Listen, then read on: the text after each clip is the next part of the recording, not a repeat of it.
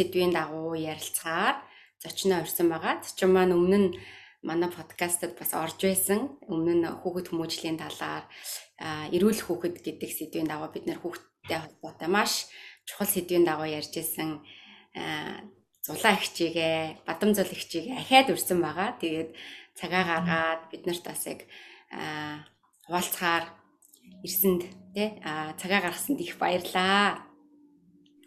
Зулагч маань зул зулагч маань тий зулагч хичээсээ анх одоо би оюутан байхдаа одоо хил зааг гэсэн одоо үгийг анх сонсч исэн байгаа. Тийм тэгээд анх танилт одоо тэр хүүхдэд танилцаад өнөөдрийн хүртэл явж байгаа. Тийм тэгээд бид нөгөө хил цагийн талаар өмнөх дугаар дээр энэ сэдв маань ер нь бол ингээд бас нэг түгээмэл байдаггүй аа тийм тэгээд дээр нь өөрөө маш том сэдв байгаад тэгээ ер нь бид нар ингээд дахиад өөр бас ингээд дугаар хийх хэрэгтэй байна. Тэгээд ингээд ярил ярилгүй үлдээсэн маш олон хэсгүүд нь байсан учраас Тэгээ одоо тэгээ магадгүй ярьсны дараа бас ч ихсэн үлдэх юм байна гэж ер нь ботсон дахиад өөр сэдвэн хэсэг нь. Тэгсэн ч ихсэн бас ингээ баг багаар тийм ингээд яриад байя гэж бодоо. Тэгээд зулагчгаа энэ дугаарт хүрсэн байгаа. Тэгээд урилгын маань хүлээж авсан зулагчтай баярлаа. Тийм тэгээд зулагч маань бас те яг ер нь хил зааг гэдгийг ер нь хизээ анх ер нь сурваа тий. Аа тэгээд ер нь тэгээд ер нь яаж ингэ танилцваа танд тэр талаар бас ингэ яриад эхлэе гэж бодож байна. За бүгдээрээ сайн байцгаана уу. Тэгээ та ярьтайгаа дахиад уулзсан жин гоё байна. Тэгээ та нарын подкастууд их гоё явж байгаа. Олонд хүртэйлтэй чухал юм хуваалцдаг их баярлагдав шүү. За тэгээд хил хязгаар гэдэг би болохоор яг нөгөө хил хязгаар гэд хилээд яриад хөвшчиж л те. Тэгээд нөгөө ном гарсан байгаа те сэтгэлийг ангаах өөрчлөлтүүд тэгээд тэрэн дээр болохоор нөгөө хил зааг гэж явж байгаа. Тэгэхээр энэ хоёр маань нэг л ойлголт нэг зүйлийг л ингэ ярьж байгаа. Тэгээ би анх одоо эргээ санахлаар нэг юу юм уу да 98 оны хавцаа юм уу? Анх яг нөгөө англи хэл дээр boundary гэдэг нэртэй номыг нь олж авч уншиж исэн. Манай ихчид ном нээсэн, манай ихч уншаад явж исэн. Тэгээд яг тэндээс нь ингээд мерсэр жоохон жоохон ингээд тэндээс нь уншаад тэгээ ерөөхдөө уншаад харж байхад бол миний амьдралд айгүй хэрэгтэй зүйлүүд байна гэдгийг би тэр номон дээрээс харж исэн байхгүй юу. Тэгээ амьдрал маань маш их хэрэгтэй зүйлс байна гэж. Тэгээд яг хав англи хэлнийх сайн биш байсан. А тэгээд ер нь бол нэг 98 99 он гэл ингээл англи хэл ер нь айгүй улам хэрчтэй сайжрал хөгжөөл ингээл яваал нөгөө номоо илүү гүн гүнзгий ойлгох боломжтой.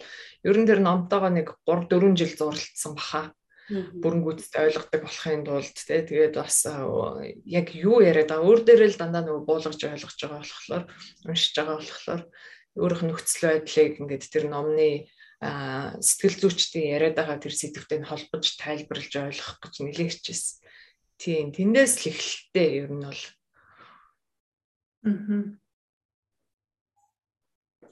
Аа тэгээд а нөгөө хэл хязгаар гэдэг маань ер нь бол бас ингээ айгүй том сэдв болчиход байгаа шүү дээ тий. Тэгэхээр та одоо таны ингээд яг анх хичээл та ингээд оюутнууд биднэрт ингээ хичээл зааж ирсэн. Тэгээ тэн дээрээс а яг хамгийн анхны одоо ингээ миний нэг санаж байгаа юм нь юу вэ гэхээр нэг юм юу байжсэн. Нэг юм дөрвөн хэл цагаарыг ингээд нэг хариу үлддэг юм уу эсвэл ер нь нэг зөрчих байдал нь хүмүүсийг дөрвөн хэсэгт хуваадаг гэдэг Тэгээ би ямар ч хэсэг яг тухайд өөрийгөө бодож байхдаа а за би бол ингээ ер нь жоохон бас дайрч давшилдаг юм шиг байна. А гэхдээ бас яг нэг амар дайрч давшилдаг одоо гэдэг чи надаас те одоо надаас ирэх мэдлэлтэй хүмүүсийн хажууд бол би ингээд те бас арай өөр болчтой юм байна гэдэг чи юм тухайд яг нэг тийм юм ингээд санаж байгаа байхгүй юу. Тэгэхээр та нэг тэр талаар ингээд нөгөө ярьж өгөөч тэр нэг дөрөв хэсэг хуваагддаг. Аа. Тийм тэгээ яг хэл хязгаар гэдээ яриад байгаа юм маань ингээд тийм сүрдмээр одоо тийм асар тийм сүрхий том ойлголт бол биш. Тэгээ яг хүн болгонд ингээд нөгөө зайлшгүй хэрэгтэй гол нь ойлголтоо ойлгочлоо гэхэд амьдралдаа буулгаж авч хэрэгжүүлэх хэсэг нь л урт удаан байгаад байгаа байхгүй юу. Нухлах те ингээд нөгөө багасаа бид нар одоо тэгж хэрэг эцэг их мань хүмүүжүүлж өсгөөгөө бол ингээд энэ талбар дээр дотоод хүнийхэн те дотоод зүрх сэтгэлийнхэн энэ талбар дээр нөө ажиллах шаардлага хэрэгцээ нь их байдаг гэдэг утгаараа ингээд том сэдв юм шиг боловч гэхдээ ер нь бол яг а сэдв агуулга санааныхаа хувьд бол ингээ хүн болгоо ингээ зүгээр бид нэр ярилцаал ойлгочих болохоор тийм ээ. Гэхдээ энийг харин яаж үргэлжлүүлж амьдрал дээр өр өгөөжийг нь гаргаж тэр дотор хүнийхээ эдгэрэл өөрчлөлт өсөлт те төлөвшлөлтээр анхаарах бай гэдэг маань л илүү их хугацаа шаардсан, ажиллагаа шаардсан, анхаарал те нөгөө тийм нөгөө зоригтойгоор бүр тэрэн дээр ингээд зориудаар ажиллах тийм юм шаардсан байна. Энэ тэгэхээр анарын асууж байгаа яг тэр нөгөө дөрвөн төрлийн хүн байдаг гэдэг. Аа энэ Henry Cloud, John Townsend хоёр маань болохоор хоёулаа өөрсдөө нөгөө сэтгэл зүйч хүмүүс байгаа шүү дээ. Сэтгэл зүйчд. Тэгээд ажиллаад яг энэ хил хязгаарын асуудал бол ингээд хувь хүний төлөвшөлтөө дотоод хүний төлөвшил сэтгэл зүйн өсөлт хөгжилтөө ингээд маш чухал нэг толботой байдаг юм байна гэдгийг ингээд олж гаргаж ирээд тэгээд энэ зүйл хэрхэн яаж төлөвшөх хэрэгтэй вэ гэдгийг тэр төлөвшлийнхэн процессуудыг нь гаргаж ирсний хажуугаар бас эн чинь өөрөө юу юм бэ гэдэг цогц ойлголтыг нь бас ингээ гоё тайлбарлаад те хил хязгаар гэдэг байгаа тэр хил зааг гэдэг байгаа юм чи одоо яг чухам юу юм гэдгийг тодорхойлж гаргаж ирээд тэгээ хамт тэрнтэй хамт эн чинь тэгвэл ингээд зөрчигддөг бас тийм зүйлс байдаг юм байна тийм ээ Аа бид нар одоо ингээд эдлэн газартай байлаа гэж бодъё л доо. Би одоо цусландаа тийм ээ жигчлээд ингээд нэг жижигхэн амбаартай тэгээ ингээд хашаатай тий. Одоогийн цуслангийн байшингууд бүгдээрээ л хашаатай болцсон шүү дээ. Тэгэхээр тэр хашаан доторх зүйлс бол миний эзэмшлийн зүйлс байгаа шүү дээ тийм ээ. Тэгэхээр тэр хашаагийн чинь би юуны тулд тавьж байгаа гэхээр хуршууд дайрж орж ирэхгүй байхын тулд эсвэл танихгүй мэдгүй хүмүүстэй мэдгүйгээр тэр хашаан дундуур маань ингээд хашаа татахгүй бол миний уул нь ингээд хашаал байхгүй болохоос биш уул нь нөгөө үл хөдлөх хөрөнгөний газрын газар өмчлөлийн газараас ингээд надад ингээд нэг төдөн метр квадрат гэдэг төдөн га газар гэдэг ингээд тогтооцсон юм хашаа татаагүйгээсээ болоод хин дуртай тэр талбайгаар маань зорчих явах дайрах те бүр дахиж ирээд ингээд манай хаалгыг хүртэл нүдэд ороод ирэх боломжтой яг тийм Тэгэн гут яг тэр өөрийн гэсэн эзэмшил, өөрийн гэсэн тэр газар, өөрийн гэсэн орон зайгийг чинь хязгаарлахын тулд тэр зааг тавих хэрэгтэй байна. Хашаа татах хэрэгтэй байна гэдэг ойлголттой байна. Тэгэхээр хашаа байхгүй бол угаасаа зөрчигдчихэд хашаа байсан ч бас зөрчдөг хүмүүс бэж байдаг. Тэр хашаагийг чинь даваад орж ирэх гээд байна, цөмлөөд орж ирэх гээд байна. Одоо яадаг юм тийм ээ зөрчих гээд байдаг тийм хүмүүс зөндөө байдаг. А гэхдээ хашаа тодорхой байх тусмаа тогтоосон тэр хязгаар нь тодорхой байх тусмаа зөрчих хүн бага байх болно. Илэрхий байгаа учраас тийм ээ. Тэр өө санамсаргүй мэдсэнгүү ингээд танаа талбаар ороод иржээ гэж хэлэх хүн илэрхий цөөрнөө тийм ээ. А тэгээ яг энэтэйгээ холбоотойгоор нөгөө сэтгэл зүйчд маань юг гаргаж ирсэн мэглэр нөгөө энэ хэл хязгаарыг одоо зөрчигч нар энэ хэл хязгаар гэдэг ойлголттой холбоотой тийм зөрчилтэй зүйлүүд байдаг. Тэр нь яг саяны анрын асууж байгаа зүйл тийм ээ. Тэгэхээр дөрвөн төрлийн дөрвөн төрөлд ингээ хуваасан байгаа. Эхнийх нь болохоор ингээд нийцүүлэгч хүмүүс гэж нэрлсэн байдаг. compliant гэдэг англи дээр тэгсэн байдаг. Тэгээ нийцүүлэгч хүмүүс болохоор зүгээр ингээд товчонд нь хэлэх юм бол муу зүйлд заа гэж хэлдэг хүмүүс гэж хэлж байгаа. Тэгэхээр а энэ хүмүүс муу зүйлд заа гэж хэлнэ гэхлээр та нар цэн сонсдож байна уу? Хин ингээд муу юмд заа гэх юм те. Гэтэл айгүй олон талаараа бид нар энэ надад муу байх болноо. Ингэс энийг би заа гэж хэлснээрээ те хүлээж авснараа өөртөө ойртуулснараа зүрх сэтгэлдээ оруулснараа гэр орондоо амьдралтаа оруулснараа би муу юм бүртгэх юм биш үү гэж бодох зарим нь сөхөөгүйгээр зарим нь мэдсээр үйжээж тэрнийг зөвшөөрдгөөл гэсэн үг. Өөрт ч муу зүйлс хурж ирж хахад тэрийг халахлах, хаах, эсэргүүцэх те а муу юм ирж шүү алив хурдан хаалгаа түгжээрэй гээл те хаалгаа түгжих тийм чадваргүй байна л гэсэн үг.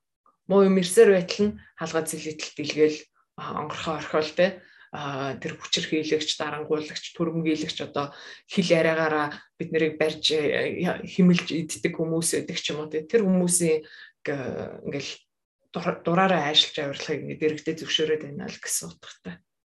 Тийм. Тэгэхээр энэ нь бол ингээд мууд заа гэдэг хүмүүс бол нийцүүлэгч юм а гэж нэрлээд байгаа байхгүй. Та хоёрт ойлгомжтой байна уу? Аха тийм. Тэнгүүд нөгөө илүү бас нэг энэ хүмүүсийн халт харах юм бол амар kind хүмүүс те гэж хүмүүст амар эвтэй байдаг ер нь бол. Тийм. Тэгээд нэг талаараа айс айдаг ч юм уу те. Миний хувьд бол би бас нийцүүлэгч болж чаддаг давшигч мөртлөө нийцүүлэгч болж чаддаг. А тэр нь юу вэ гэхээр би нөгөө а юу яадаг байсан манай ээж ихчтэй хамт оюутан бахта амьдардаг байсан тэр ихч маань олонгууд ер нь бол ингээд нөгөө үгүй гэдэг хариулт сонсох дурггүй тийм хүн байдаг байсан тэгээд бас айж айснасаа болоод тэр хүн уурлах үе гэхээс айснаас нь болоод ингээд үгүй гэж хэлж чадахгүй ингээд дандаа нийцүүлдэг те. За тэгтээ дотроо бол үгүй байгаа штэ тийм. Тэгэхээр ер нь бол яг нийцүүлэгч гэдгийг бол аюус ойлгож байна. Аа. Тийм. Тэгэхээр нийцүүлэгч маань болохоор яг саяны хэлж байгаа шиг тийм ээ хамгийн ихний шинж тэмдэг нь бол үгүй гэдэг үг ингээ үгсийн санд нь байхгүй. Аа би санал нийлэхгүй байна яагаад би ингэх ёстой юм гэдэг ч юм уу одоо ингээд өөрт нь нэг л эвгүй эсвэл тааламжгүй эсвэл хүсмээргүй тэгмээргүй санагдсан юмд хариу эсрэг үйлдэл хийх чадваргүй л гэсэн. Тэгэхээр хүн өөрт чинь хүсээгүй юмыг тулгах үед за тулахгүй гэж болно зүгээр асуучч болно шүү дээ тийм ээ. Хүсээгүй юмыг чинь асуух эсвэл ингээд хүсээгүй идэх юм уух юмыг хүртэл ингээд санал болгож болно. Тийм ээ одоо сүүлийн үед ингээ кето дэглэм айгүй дэлгэрж байгаа шүү дээ кето дэглэм барьж байгаа хүмүүс бол ингээ сахар идэхгүй гурил идэхгүй байх ч юм уу тийм маш их хэмжээний нүүрс ус хэрэглэхгүй байхыг ингээ хичээдэг байхад нь үгүй гэж хэлж чаддгүй нэг тийм нөхөр тий одоо боосон ч юм уу дарган ч юм уу тий эсвэл таалагддаг залуун ч юм уу хурж ирээд гурилтай амир их сахартай юм санал болгочвол яах вэ? Тэ? Нийцүүлэгч юм бол одоо тэгэл ялтчгүй өчн өчнөө олон өдрийнхаа нөгөө кето дэглэмээ ингээл зөрчөөл үгүй гэж хэлж чадахгүй төлөө. Би эрүүл амьдралын юм хаяг ингээд сахихыг хичээж байгаа. Тийм болохоор өнөөдөр надад ч идчих чадахгүй нэ гэдэг үгийг ч юм ингээд гаргал хэлэх тийм гаргалгаа нь байхгүй. Толгойн дотор нь ердөөсөө тийм эсэргүүцэх одоо тэгж өөрийгөө хамгаалах өөрийнхөө бие махбод эрүүл мэндтэй сэтгэл зүй дотор хүнийг хамгаалах тийм тогтолцоо ингэ төлөвшөөгүйгээсээ болоод нийт зүлчиж байгаа байхгүй. Бусдын эргэн тойронд байгаа орчин тэ дэрэгтэй байгаа хүмүүсийн таалал хүсэл тэр болгонд нийцүүлээд а тэгээ гол нь одоо яг энэ мөчөд бид нар юугаа анхаарах хэрэгтэй болж байгаа гэхээр ингэснээрээ би өөрөө надад юу тохиолдож байна вэ гэдгийг харах хэрэгтэй. Тэгэхээр өөртөөсөө хэл хязгаарын гол зорилго бол энэ хэл хязгаар зааг тэ энэ юмыг эмгцэгцэнд оруулснаар би гэдэг хүн өөрөө эрүүл төлөвшсөн бие хүн болох гол зорилготой байхгүй юу? Ердөөсөө тэр зорилго. А түүнээс ингээд нэг одоо Дэл Карнегигийн тэ харилцааны сайхан ур чадвар суралцах гэдэг ч юм уу тийм төрлийн юм огт биш. А энэ цэвэр би өөрөө яаж эрүүл сэтгэл хангалуун өөрөө өөрөөрөө амьдрах вэ тэ би гэдэг хүнээ олж аваад тэр би гэдэг хүнээ хайрлаад тэтгээд дэмжиж тэр би гэдэг хүнийг маань яванда бусад хүмүүс ч гэсэн хүлээж аваад намайг байгаар минь хүндэлж хайрлах тэр хүнийг л би болох гэдэг байна. Тэгэхээр нийцүүлэгч хүн яг энэ утгаар нь харах юм бол одоо за би ингэж хэлснээрээ өөртөө ямар хохирол учруулж байна вэ гэдгийг л одоо давхар дандаа бодолцох хэрэгтэй гэсэн. Үгүйгээ хэлжүүл тэр хүн гомдчихно гэж дандаа бодоод байна шүү дээ. Тэгэхээр тэр хүнийг бодож байгаа шигэ өөрийгөө одоо бодох хэрэгтэй үгүйгээд хэлснийхэн төлөө. За тэр хүн гомдохгүй өнгөрд юм гэж би харин тэгвэл өмнөний дараа яг юутаа үлдчихээн тий зүрх сэтгэлд маань нэг тийм эвгүй байдал тий тавгүй мэдрэмж хоол идэхэд хүртэл тий ингээл залгимааргүй байхад хүчээр залгиж байгаа тийм байдал одоо арх дарсаар шахуулах байдаг ч юм уу. Энэ бол айгүй түгээмэл монголчуудын дунд хамт олноороо нийлээд явах ч юм. Тэгэд маш таагүй юм ингээд би рүүгээ бүр ингээд би физиологийн хувьд ингээд би рүүгээ оруулж байгаа ч юм уу тий. Тэгээд одоо арьс бол бид нэр хамгийн ихний хил хязгаар байгаа шүү дээ. Физиологийн хувьд арьс хамгийн ихний хил хязгаар. Арьсандаа хүн хүргэх, бэлдээ хүн хүргэх. Энэ ч гэсэн чи яагаад надад хүрч байгаа юм бэ? Тэ? Би чамтай одоо ингэж ойртож шүргэлт хэмжээний дотн биш штэ гэд манай зөвхөн ээж одоо найз ах ихч надад ингэж хүрдэг чи дахиж ингэж болохгүй шүү гэдэг ч юм уу. Ийм үгийг ингэ хэлж чаддгүй. Нэг э, хүссэн залуу нүрж ирээл хүзүүгээр ороогоод авдаг те. Оюутан байхад одоо нөгөө тийм дүр төрх айгүй харагддаг те. Охтууд очоод бандыг хүзүүдж аваад бандер нь охтуудыг хүзүүдж аваад тэгэл та яриаж байгаа үерхэж байгаа мөг гингууд бүү шал падли байхгүй зүгээр л нэг ангийн хүүхдүүд байдаг ч юм те.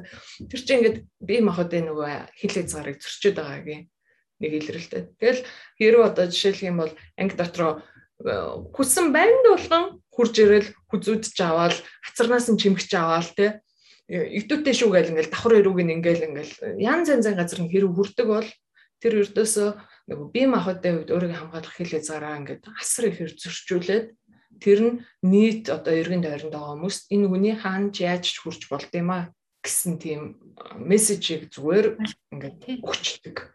Гэтэл дотроо маш их хэгдүүцчихэж болно шүү.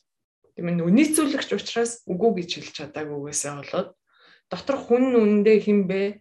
Маш зэгцтэй, эмгцэгцтэй те а өөрийгөө хамгаалж өөрийнх ингээд одоо хинбэ гэдгээр амьдрах хүсэлтэй боловч хүмүүсийн тийм нөгөө санаанд оронгүй сонирсын үйлдэлт ингээд эсэргүүцэл үзүүлж чаддгүйгээсээ болоод хүмүүс харахтаа оо энэ нэг аюу хөнгөн охин. А гэтэл дотроо болохоор шал эсэргүүн байж болох байх. Тэгэхээр нийцүүлэгчийн хийж чадаагүй зүйлээс болж өөртөө нөгөө хүртдэг хор хохирол нь ингээд маш их Тэгэхээр ерөнхийдөө нийт зүйлэгч чинь болохоор тийм ааш авир, тийм зан авир гаргахад хүрж байгаа шалтгаануудтай зүгээр нэг хөнгөн умгаа ч юм уу бодлогогүй нэг жоох мунхагтаа тэгээд байгаа биш. Маш олон сэтгэл зүйн маш олон шалтгаанууд байгаа. Аа багасаа тэгээд өссөн байж болно тийм ээ. Одоо саяны анарын хэлдэг шиг тэр нэг ихчээс айгаад үгүй гэж хэлэх юм бол ууралдаг учраас айгаад гэдэг ч юм уу те. Тэгэхээр шийтгэлээс айсандаа нийцүүлдэг байж болно. Бусад хүмүүсийн хайр халамжийг бүртгэхгүй болчихгүй дээ гэсэн айдсаас болоод нийцүүлдэг байж болно тийм ээ. Тэгэхээр маш их олон тийм сэтгэл зүйн хувьд ийм буруу тогтсон ойлголтууд маш их олон төрлийн айдсууд өөртөө ихтгэлгүй байдал тийм ээ тэр тусмаа ингээ баг наснасаа авсан тийм нөгөө амьдралын туршлага харилцаан дундаа би болгосон ойлголт төлөвшсөн тийм туршлагууд хүмүүс бол ер нь ингэдэм байна гэж бодчихсон тийм бодлууд буруу бодлууд ч юм уу тийм ээ. Тийм сөрөг ойлголтууд нь ингээд хүнд ийм болоод ийм төрлийн хариу үйлдэлүүд хийхэд ингээ хүргэдэг. Тэгэхээр би яагаад нийцүүлээд байгаа вэ гэдэг ингээ бодох хэрэгтэй олох хэрэгтэй тий. Би хизэнээс эхлээд ийм болцсон юм болоо. Би угийн л юм байсан гэж болно тий. Би мэдхийн л би өөрийгөө санахын л хар багаас л тийм байсан байж болно. А тэгвэл тэрэнд чинь ямар нэгэн хүчин зүйл нөлөөлсөн байгаа. Өссөн орчин тий өсгөж хүмүүжүүлсэн хүмүүс ч юм уу нэг хоёр удаагийн тохиолдолч байж болно. А амар тайван гоё гэр бүлд өссөн хэрнээ ингээд сургууль дээр цэцэрлэг дээр ингээд бусдын өмнө нөгөө ичгүүртэй байдалд орсноосоо болоод тийм шийдвэр гаргацсан ч байж болно тийм ээ. Тэгэхээр нөгөө далд ухамсарынхаа хувьд шийдвэр гаргацсан ч байж болох байхгүй. А энэ бол ингээд айгүй хэцүү шарах ингээд хүнд өгд юм. Тэгэхээр ийм байдалд би дахиж орохгүй тул өөрийгөө хамгаалах арга зам нь нийцүүлэх хэрэгтэй байна гэд гаргалгаа гаргацсан ч байж болох боломжтой тийм. Тэгэхээр яг энэ асуудлуудыг ингээд шалтгаан нь Тэгээд э, яаж ийм хүн болчтiin те яагаад ийм юмнууд би болчтiin тэр шалтгааныг нь тэгээд ийм болчих юм бол одоо ямар төрлийн эмгэгүүд ямар төрлийн одоо хортой үр дагаврууд ингээд надаас гарч болох юм гэдэг үр дагавруудыг нь тэгээ энийгээ бас хэрхэн яаж зас залруулж болох юм гэдэг юмнуудыг бүгдийг энэ номн дээр бичээд байгаа байхгүй. Тэгэхээр энэ нөгөө нэг ном маань шүү дээ. Энэ дээр бол яг Boundary гэдэг ном шигэ бүтэн биш ч гэсэн маш их хувь нь энэ дэр байгаа баггүй юу? Харин тийм тулаагчийг ярьсан чи ерөнхийдөө ингээд айгүй тодорхой олж эхэлж байна л та.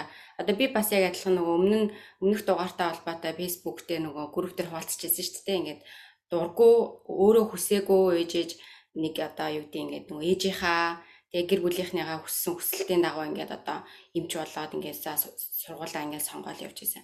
А тэгэнгუთ яг цаана нь юу байна вэ гэхээр яг нөгөө нийцүүлэх төрлийн одоо юу нь байж байгаа байхгүй. Тэгээ энэ нэг яагаад нэрнгэс ийм болцсон юм бэ гэж бодсон чинь ерөөсөө л нөгөө ээж аавдаа одоо таалагдах гэсэн хүсэл те одоо онд сурах юм бол те сайн одоо ингээд тэр хүсэж байгаа одоо одоо сургуульд нь орч чадах юм бол намайг хайрлт юм байна гэдэг ойлголтыг айгүй жоохондоо ингээд одоо авцсан байгаа байхгүй юу? Их жоохондоо л авсан байгаа ах миний зүгээр бодлоор.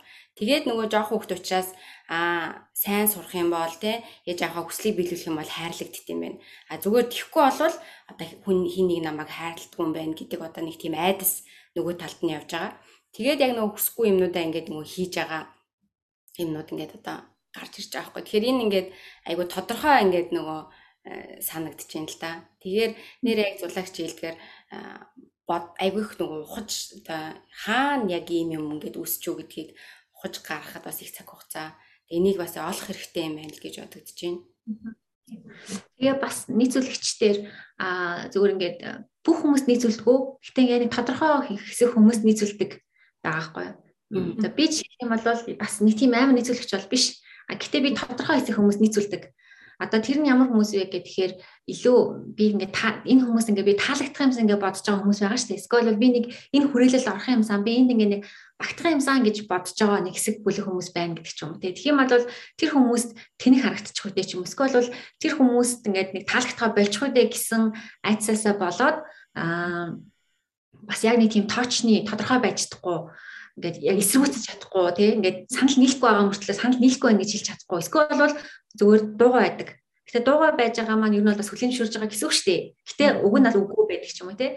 Тиймэрхүү ингээд ер нь зан авир би одоо ч гэсэн гардыг байна гэж бас бодлоо л да. Яг багасаад байгаа. Гэтэ ингээд Ер нь бол хамгийн том айдас маань таалагдхаа олчих үедээ энэ хүмүүст үнэлэгдэхээ олчих үедээ энэ хүмүүсийн хүрээлэлээс гарчих үедээ гэдэг зүйлээс болоод.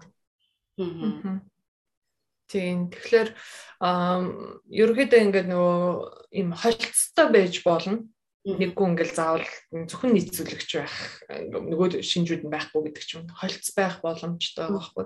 Хоёр дахь төрөл нь болохоор эхнийх нь нийцүүлдэг хүн байсан бол хоёр дахь төрөл нь болохоор зайлс хийгч хүмүүс. Зайлс хийж зүхтдэг хүмүүс.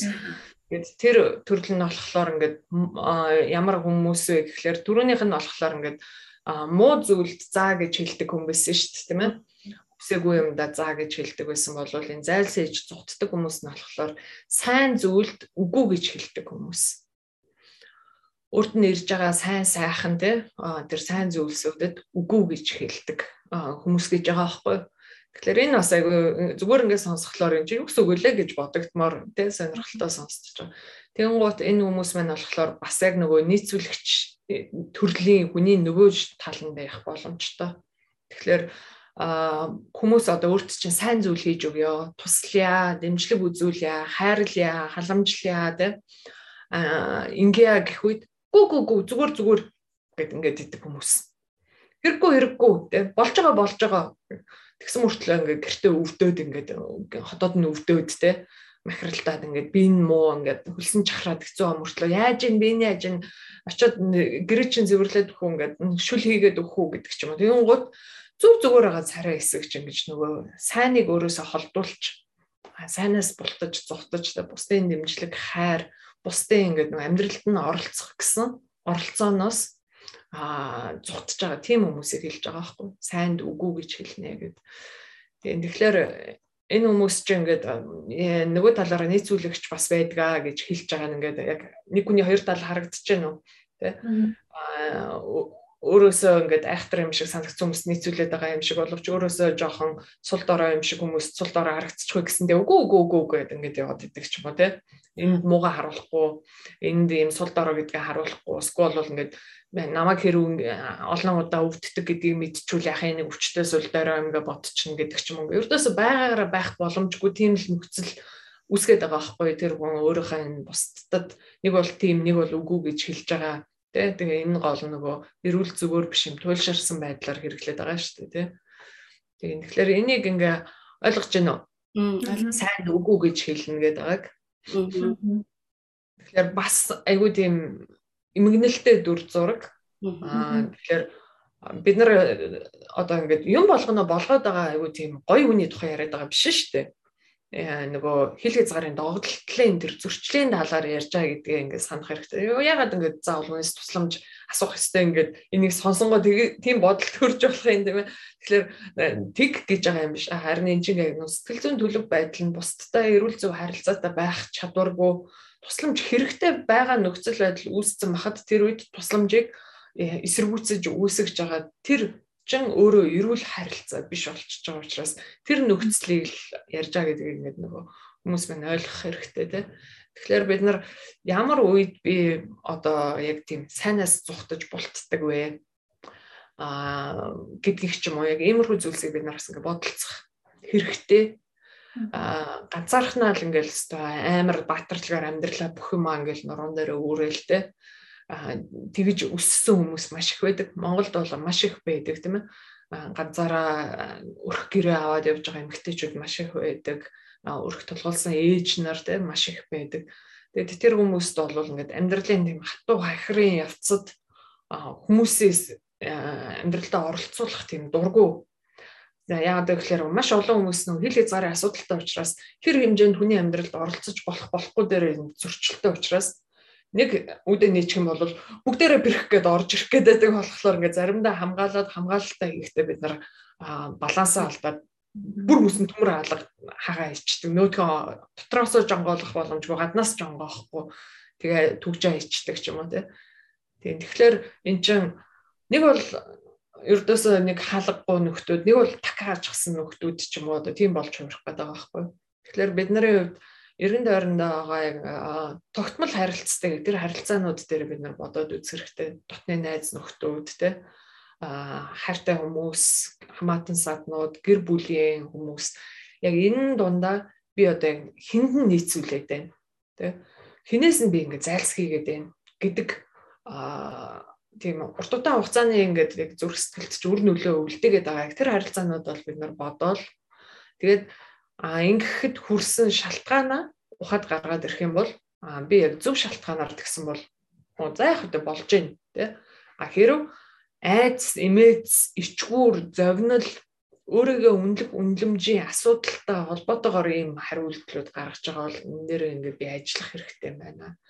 Энэ зүйл маань надад тийм юм амсуулаад байгаа. Тэр нөхрийн асуудал гэхээс илүү тэр нөхөр бид нар өөрчилж чадахгүй харамсалтай тэ өөр хүнийг бид нар өөрчилж чадахгүй дотор нь ороо засвар хийж чадахгүй харин тэр хүн хിവэрэ байсан ч гэсэн нэгэнт одоо миний хамаатан миний аав ээж миний ах ихчтэй нөхөр үр хөвгт ч юм уу учраас хамт амьдрах нь ойлгомжтой. Би зүхтаа явж чадахгүй шүү.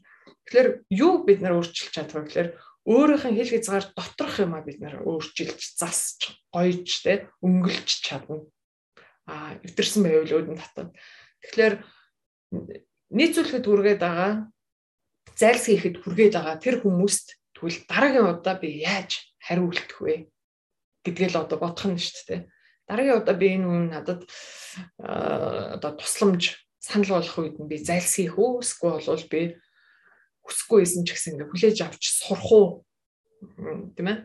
А тэгээд тэр сурах гэдэг байгаа хүсэхгүй байгаа шалтгаан нь эрүүл биш учраас би энийг засах гэж байгаа шүү дээ тий эрүүл биш гэж онцлсан учраас би нэг засах хэрэгтэй. Тэгээ засчих юм бол харин энэ чинь миний одоо дотор хүмүүс маань илүү эрүүлж ээж те илүү хүчтэй илүү төлөвшсөн болох гээд байна гэд. Тэгэхээр ингээ байнгын нөгөө дотоод хүн дээрээ л одоо ажиллах тэр эдгэрлийн ажлыг өөртөө хийнэл гэсэн үг болж байгаа байхгүй. Тэгэхээр ийм хоёр төрлийн юм байна. Энэ дээр та нарт гоё хуваалцах түүх жишээ хэлэх юм байна уу? Их л ухаж төнхөх аягүй хэрэгтэй санагдчих шүү дээ. Бүр ингээл аягүй юу боллоо, яалаа, юу идэвлээ гэж бодох. Нэр нь аль зөндөл юм санагдчих дээ. Надад болохоор зөвхөн зулаа хичээр ингээл яриулаад одоо гуртхан юм бол дүртгэн юм бол яриулмаар санагдаа. Аа. Тэгэхээр саяны эхний хоёр нь ингээд нөгөө нийцүүлэгч, зайлсхийгч, гуравдах нь болохоор хянагч нөгөө юм хянч гадагдаг тийм хүмүүсийн тухай хэлж байгаа. Тэгээ гурав дахь хянагч нь болохоор дотор хоёр төрөл хуваагддаг. Тэгээд анар өөрийгөө хянагч гэсэн шүү дээ тий. Тэгэхээр нэг нэг төрөл нь болохоор ширүүн догшин байдлаар хяндаг хүн. хүчээр хяндаг гэсэн үг тий. Хүч төрөмгийлж одоо ингээд зандал хийлж, айлгад сүртүүлж ч юм уу тий загинж, зандарч ч юм уу одоо тиймэрхүү маягаар хяналтандаа байлгадаг хүн гэсэн үг чи тэхгүй ахтай яа чи яахлаараа тэгдгүй юм гэдэг ч юм уу те одоо энэ үг бол ердөөс тэр хянагчийн амнаас гарч байгаа үг хүнийг ингээд өөрийнх нь хүсэлт нь тааруулахаас өөр аргагүй байдлаар бусдтай харьцаж байгаа тийм байгаа байхгүй за тэгээ хянагчийн хоёр дахь төрөл нь болохоор манипуляцаар хянагч хүн гэж байна Манипуляц гэдэг нь болохоор одоо ширүүн догшин биш. Тэр хүн уйлж болно. Нулимсаараа хүнийг манипуляцлж болно. Тэгэхээр та нар бүгдээрээ жоох хүүхэдтэй шүү дээ тий. Одоо танаа хүүхдүүд тэгдгүү эсвэл найз нөхдийн чинь хүүхдүүд тэгдгүү. Дэлгүүр дотор явж хахад хүртэл ингээд авмаараа юм авч өгөхгүй болохоор шалан дээр тийчлээд ингээ орилчдаг хүүхд байдаг шүү. Тэр хүүхд манипуляцлж байгаа. Эцэг эхийгээ түмний нүдэн дээр гарах гарцгүй байдалд оруулж байгаа. Дэлгүүр дотор те аа гэж орилол ингээл амар уйлал ингээл ихэр татаал те Тэгэн гут нөгөө эцэг их санаа зовоол ингээл хүмүүсээс санаа зовоол энэ намайг өстө хүмүүс хүүхдээ алж гин зодж гин хүчээр хийлж гин гэж бодчих үү гэсэн тэгээс хүссэн юм байна ингээд нэг удаа тэгэн гут нөгөө хүүхд ч ойлгочтой гэртээ өөр бусад газар те ээж аавыг манипуляцлж болох юм байна. Тэгэхээр энэ хянагч хүүхд гарч ирж байгаа гэсэн. Манипуляцаар өөрийнх нь хүслээрээ гарах гарцгүй байдалд оруулж хүслийг үүсэлтүүлэгч гэсэн үг байхгүй юу? Тэгэхээр одоо манай ээж бол жишээлх юм бол ер нь өөрийн ч мэдлгүй манай ээж нулимсаараа бид нарыг манипуляцлдаг тийм хүмүүс. Жохон л юм болох юм бол уйлал эхэл. Йоо за ээж уйлал эхлэн гут ёо бид нарт бүр өстой аа гэлс та ингээл хамаг юм ингээл пал идэл унчиж байгаа юм чи яаж л нөгөө ээжийг уйлуулахгүй болох вэ гэл ингээл уйлал ирэхлээр амар өрөвдөлтөй амар сул дороо нэрэ хинч биш ингээл би өстой нарын төлөө ингэж яхаа гэл авчихлаар тэгэл байхгүй. Тэгэхээр айгүй олон эмгтэй хүмүүсийн үед нулимс бол нөхрөө манипуляцлах арга байдаг. Энэ тэгэхээр одоо яг хил хязгаарын зөрчилтөө бусдыг нулимсаараа а хяналтандаа оруулж байгаа. Хүсэлтэд ингээд оруулж байгаа гэсэн. Тэгэхээр нөгөө хянагч маань ингээ хоёр янз ахна шүү дээ. Нэг нь бол хүчээр буюу ингээ ширүүн тогшин зан авир ашиг хандлага харьцаа харьцаараа хүртэл үнийг хяндаг хүмүүс байдаг тийм ээ. Тэгэхээр харьцаараа хяндаг хүмүүс бол монгол хүмүүс донд бол аав нар маш их тийм бас ээж нар маш их тийм тийм ээ. Нэг эвгүй харцч болоотход ямар ч үг хэлэх шаардлагагүйгээр тэр хүүхэд шууд байрандаа ордог байх жишээ нэг ч юм уу тийм ээ. Тэгэхээр энэ бол ингээд айгүй тийм ширүүн догшин хяналт байхад нөгөөх нь болохоор ингээд өвчнөөр, зовлонгоор тэ сул дорой байдлаар, нулимсаар, сквал ингээд янз бүрийн тантрум маш авир гаргах замаар тэ ойрлж хашгичж ингэж паник үүсгэх замаар ч юм уу тэ. Аа станараа ингээл жингдэг байхгүй юу гэл ингээл ингээл э, гоншигноо олж ч юм уу тэ үглээ, яншаа ингээ янз бүрийн байдлаар манипуляцсанд бусдыг оруулах боломжтой. Тэгээ энэ манипуляцыг хүн хамгийн сонирхолтой багасаа сурчдаг. Тэгэхээр хүүхдүүдээсээ та нар одоо яг энийг ингээл өөр дээр ажиллах хайж байгаа хүүхдүүдээсээ харах хэрэгтэй. Хүүхд чи ямар төрлийн те баундрыга яаж хүүхдийн чинь одоо хил хязгаар яаж төлөвшөж яаж бүрлдэж гин гэдэг хүүхдээсээ харах хэрэгтэй. Тэрийг харахын тулд хүүхдээ ингээд бусад ижил насны хүүхдүүд дунд ахиухан байлгаж харах хэрэгтэй. Бусдтай яаж харилцаж. Тэгээ очиод нөгөө үеийнхийнхэн хүүхдийг очиод загинж гин үү те дээрлэгч гин юмыг булааж гин үү эсвэл бол ингээд юмыг нь өөрөөс нь авангууд хүссэн шиг нь байхгүй байнгут шууд уйлдаг шууд жүжиг тавьдаг те тим юм хийж гин үү тэгэхээр саяхан нэг юугаар Facebook дээр нэг бичлэг явуулсан та нар харсан нэг эрэгтэй эмэгтэй хоёр хүүхэд ингээд сууж байгаа дундаа нэг тавган дээр нэг хідэн ширхэг ингээд чихэр тавьсан. 5 6 хаан ширхгийг тавьсан. Тэгээ хоёулаа хоёр талаас нь хараад гордод сууж байгаа хэрнээ охин ингээ амар хурдан бүгдийг намандаа игээд бүгдийг намандаа ийсэн чинь нөгөө харж харж исэн банд нь ингээ уйлчихж байгаа. Тэгэн гут нь гэлс нөгөө охин амандаа хийцнийг гаргаж ирээ хуваагаад тавьсан. Тэр бичлэгийг та нар харсан бол ингээ яг яг тийм орчин донд ингээ хүүхдийнхэн ямар ингээд нөгөө хүн болж төлөвшөж байгааг нь бид нар харах боломжтой байгаа байхгүй. Тэгэхээр ингээ хянагч нь ийм хоёр янзтай. Тэгэхээр нийт зүйлэгч нөгөө зүхтаж зайлсхийдэг те тэгээ хяндаг хүмүүс байдаг байхад дөрөв дэх төрөл нь болохоор ердөөсөө дүжирцэн төрлийн хүмүүс гэж байгаа. Тэгээ дөрөв дэх төрлийн хүмүүс нь бол огт бусдын хэрэгцээг үл оошон зөвхөн өөртөө л анхаардаг тийм хүмүүс. Зөвхөн өөрийнх нь л амийг боорлогодог, зөвхөн өөрийнх нь л эрх ашигыг боддог, өөрт нь л хамаатай юмд оролцож те өөрт нь л хамаатай юм болгоныг хүлээж авч өөрөөс нь гаднах бусад бүх юмыг ингээд хараагүй мэдээгүй сонирхгүй те мэдэх хүсэлгүй тийм байдлаар явж байгаа тийм. Тэгэхээр энэ хүн тэгэл болоо л байгаа юм шүү те өөрөө л болгож ивэл болоо шт гэдэг Монгол үг нэг юм юу юм шиг боловч.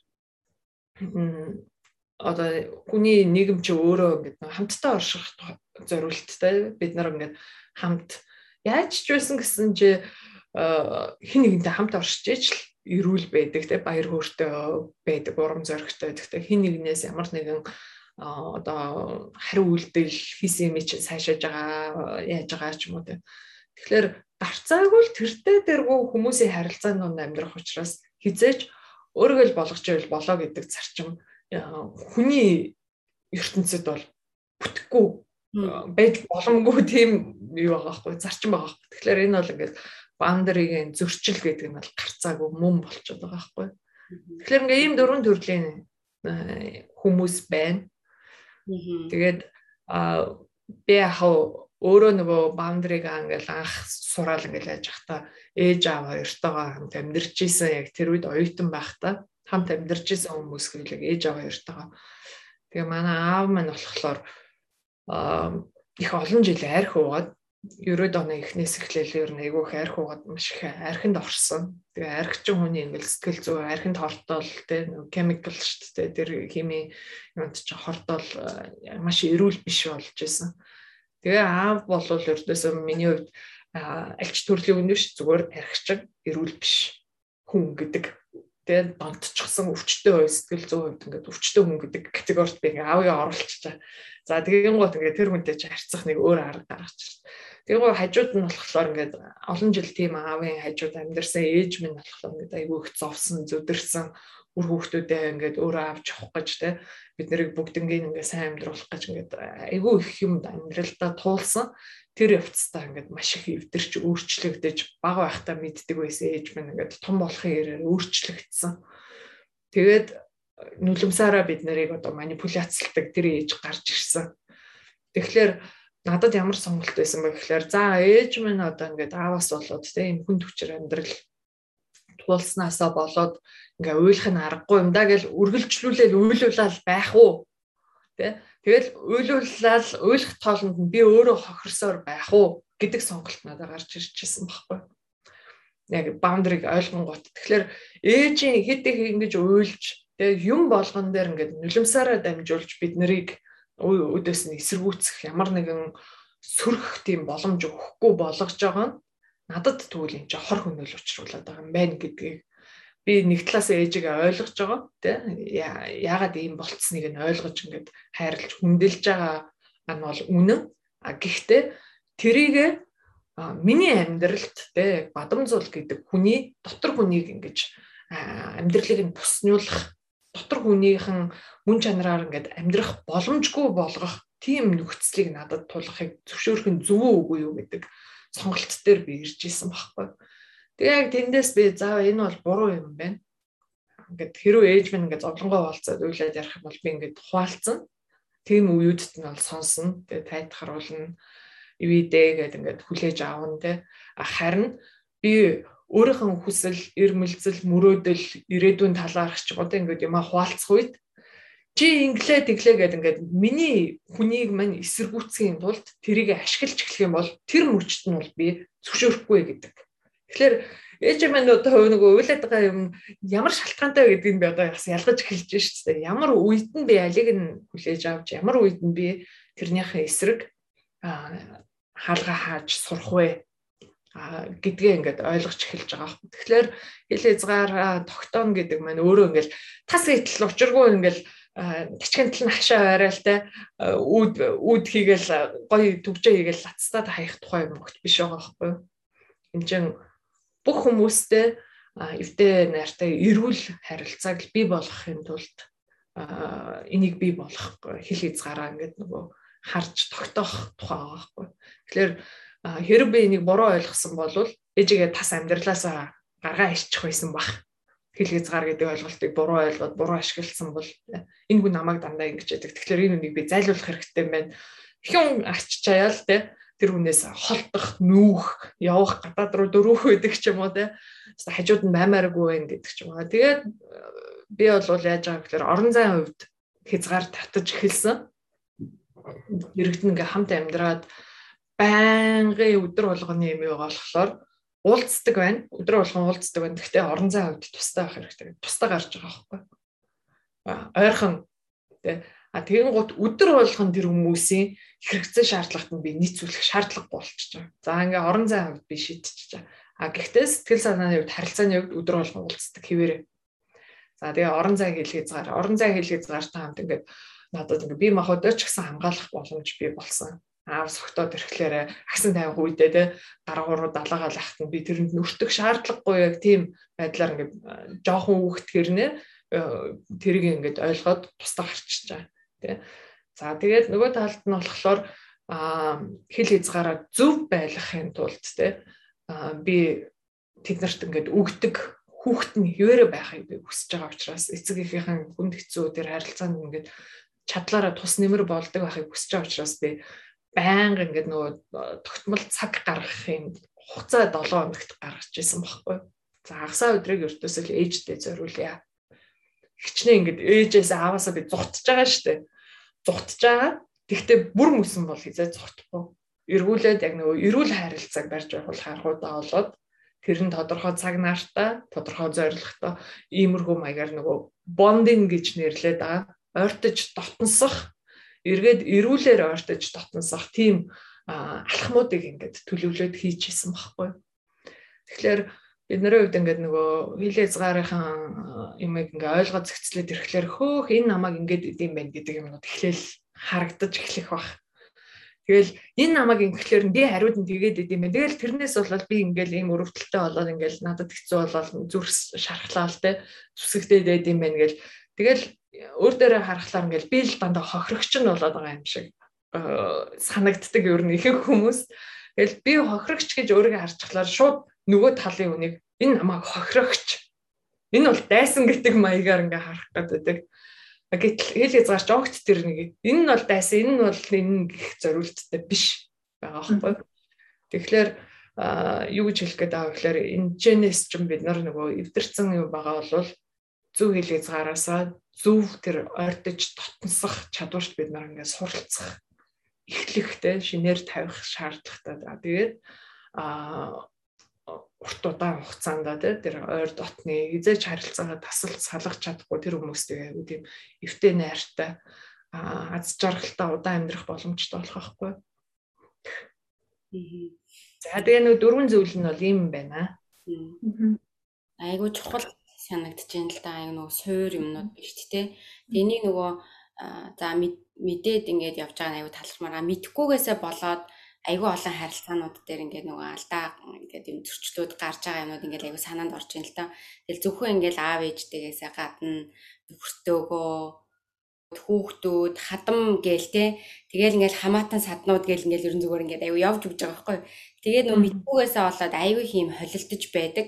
А тэгээд а буруу одоо нөгөө хэрвээ одоо ойлгочоод ингээд а энэ намайг ингэчт юм байна гэх ингээд бас хаалт үсгээд бүр ингээд э, нөгөө одоо энээс болоод би зовж ийн гэл ингээл халбаа харилцаагаа таслаал ингээл нүгээл холдоол явцсан тийм жишээнүүд ч гэсэн ингээл айгу санаанд орж ийн л да. Тэгэхээр энэ айгу тийм суур бүр ингээд ахин дахин сонсоод те ингээд яг юу болоод юу болох байгаа даа алинтай ийм одоо ямар төрлийн харилцаа үүсгээд байна гэдгийг ингээд бодох тунгаах айгу тийм чухал сэдвүүл санагдаж байна л да.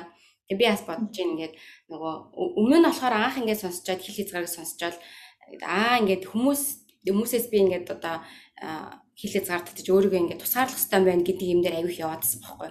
Тэгсэн чинь сүүлдээ ингээд эннээсээ болоод одоо ингээд бас хит ингээд юу яагаад одоо хүмүүсийг амьдралдаа оролцуулдаг ч юм уу те буцаад нөгөө тэр хүмүүстэйгээ тотносох ёстой гэдэг юм орхигдуулчихсан байсан юм байна. А нөгөө талд нь болохоор би өөрөө ингээд хил хязгаар тогтоогоод байгаа хэрнээ буцаад хүмүүсийг одоо жишээлх юм бол айгүй хамгийн ойр байгаа нөхрийгөө жишээлх юм бол айгүй ингээд хяндаг гэж.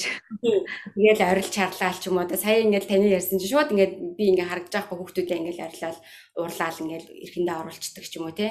Тэгүн гот энэ ингээд бас л цаашаага ингээд нөгөө үргэлжлээд яваад ахаар юм байгаа байхгүй. Тэр хүүхэд хүүхдүүд ч гэсэн буцаад нөгөө одоо том охин маань жишээлбэл заримдаа ингээл намайг амар дуурайгаал ингээл амар орлол дүүтэйгээ ингээл муухай харилцдаг ч юм уу. Яалч ингээл нөгөө уурын хүргээл гэрэнгуцтай. Хааш чи байлаач гэл ингээл эргэтэй дүмтэй тэгдэг байхгүй. Тэгэхээр зүгээр ингээ харахаар яг нөгөө аль аль талдаа ингээд аягүй сайн яаж явахгүй бол дараа нь ингээл нөгөө хараал өсөөд байгаа байхгүй манай хүүхдүүд бас.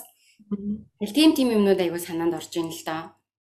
Айгуу чухал санагдаж байна. Надад олонгод таныг ярингууд хоёр асуулт зөвөр айгуу төрөөд илүү жоохон практик а юм ингээд яг хоёр юм бодогдоод нэг нь олонгууд за за одоо ингээд эхнэр нөхөр байлаа. Нөхөр нь за ингээд ер нь жоохон За агсан согтуу тавдгүй байлаа ч гэсэн за ширүүн дөрөв ханддаг ч юм уу. За эхнэр ч юм аль нэг юм. Яг одоо ингээд хамт амьдраад байгаа шүү дээ. Хамт амьдраад угаасаа салах боломж өдөр болгон хамт байгаа. А гэтээ хил язгаар юм хувьд маш зөрчилтэй. Тэгээ тэр нь илүү давмгаа магадгүй бүр ингээд нөгөө нэг дайрч давшилдаг тий. Тим ингээд хүнтэй хамт амьдраад сэтгэл зүйн хувьд намайг аюу хэцүү болгодог байлаа гэхэд Тэгээ би одоо тэр хүнд тэгээ яаж би одоо хэл язгаараа сахиж нөгөө талаараа бас тэр хүнд одоо нөхөртөө хандаа Тэгээ тэр ингээ хил хязгаар сахдаг болоход нь одоо тусалж болох вэ гэсэн ингээд асуулт ингээ яг нөхөртөөгөө. За тэнгүүд бас хүүхдүүд дээрээ те ялцчгүй хүүхдүүд бол тэгэл аашлал унд нь штэ. Одоо бол ингээд би яг ингээ харахаар манай хоёр хүүхд дээр гардаг зүйл нь яаж байгаа гэхэлээ би нөгөө аяг сонголт өгдөг. За чи одоо яахын шууд унтах юм уу? Эсвэл ингээд ном ном бишэлээ одоо тоглох юм бол чамд ном унших цаг байхгүй болоод чи шууд одоо ингээд унтах болох шүү. Чи сонгох гэдэг ч юм ингээд нэг юм сонголт өгөөд тэгсэн чинь тэрийг надад одоо амар хэрэгэлт өгчод байгаа хгүй. Янз янзын болоод би юм гоогонгууд өөдөөс шууд нийгэм хэлэнгүүд чи өөрөө сонгох гэл яг ингээд над чиг. Тэг би заримдаас амар ингээд хэтрүүлээд байгаа юм шиг ингээд санагдаад тэг хүүхдүүдийн хил хязгаарыг ингээд яг одоо бол угаас яг хил хязгаар гэдэг юм сурж байгаа нас нь байгаа. Тэгээд бас тийм сайн хийж чадахгүй байгаа юм шиг санагдаад байгаа хгүй. Гэхдээ ямар ч хэлсэн одоо огтын сэдвийг мэдгүй мэддэг ээж Гэтэ ингээ хүүхдүүдэд зөв сөрөөр таммаар байгаа. Тэгэхээр одоо яг илүү жоохон яаж тэгээ энэ хил хязгаартай байж эргэн тойрныхоо хүмүүс за би яг өөрөө хил хязгаараа гайгүй сахдаг болчихсон хүний хувьд гэдэг ч юм уу те мэдгүй байна. Ямар ч хэсэг яаж ингээ нэг бусдад надад ингээ нөлөөлөд байгаа юу бусдад бас ингээ нэг атайхан харуулад хил хязгаартай болгож бас сургаж болох вэ гэдэг нэг тийм асуулт төрж байна. Тэгээ яг надад бол зүгээр тэгэж л бодогдож байна л да. Аа яг яг шууд ингээм хамт амьдарч байгаа гэр бүлийн өрөөллийн дотор хэрв чи үнгээр гэлгээ зараад сахиж тэгээ эмгцэгцэнд оруулаад чадсан болвол тэр чин тэртээ тэргүй шууд өргөж өгнө.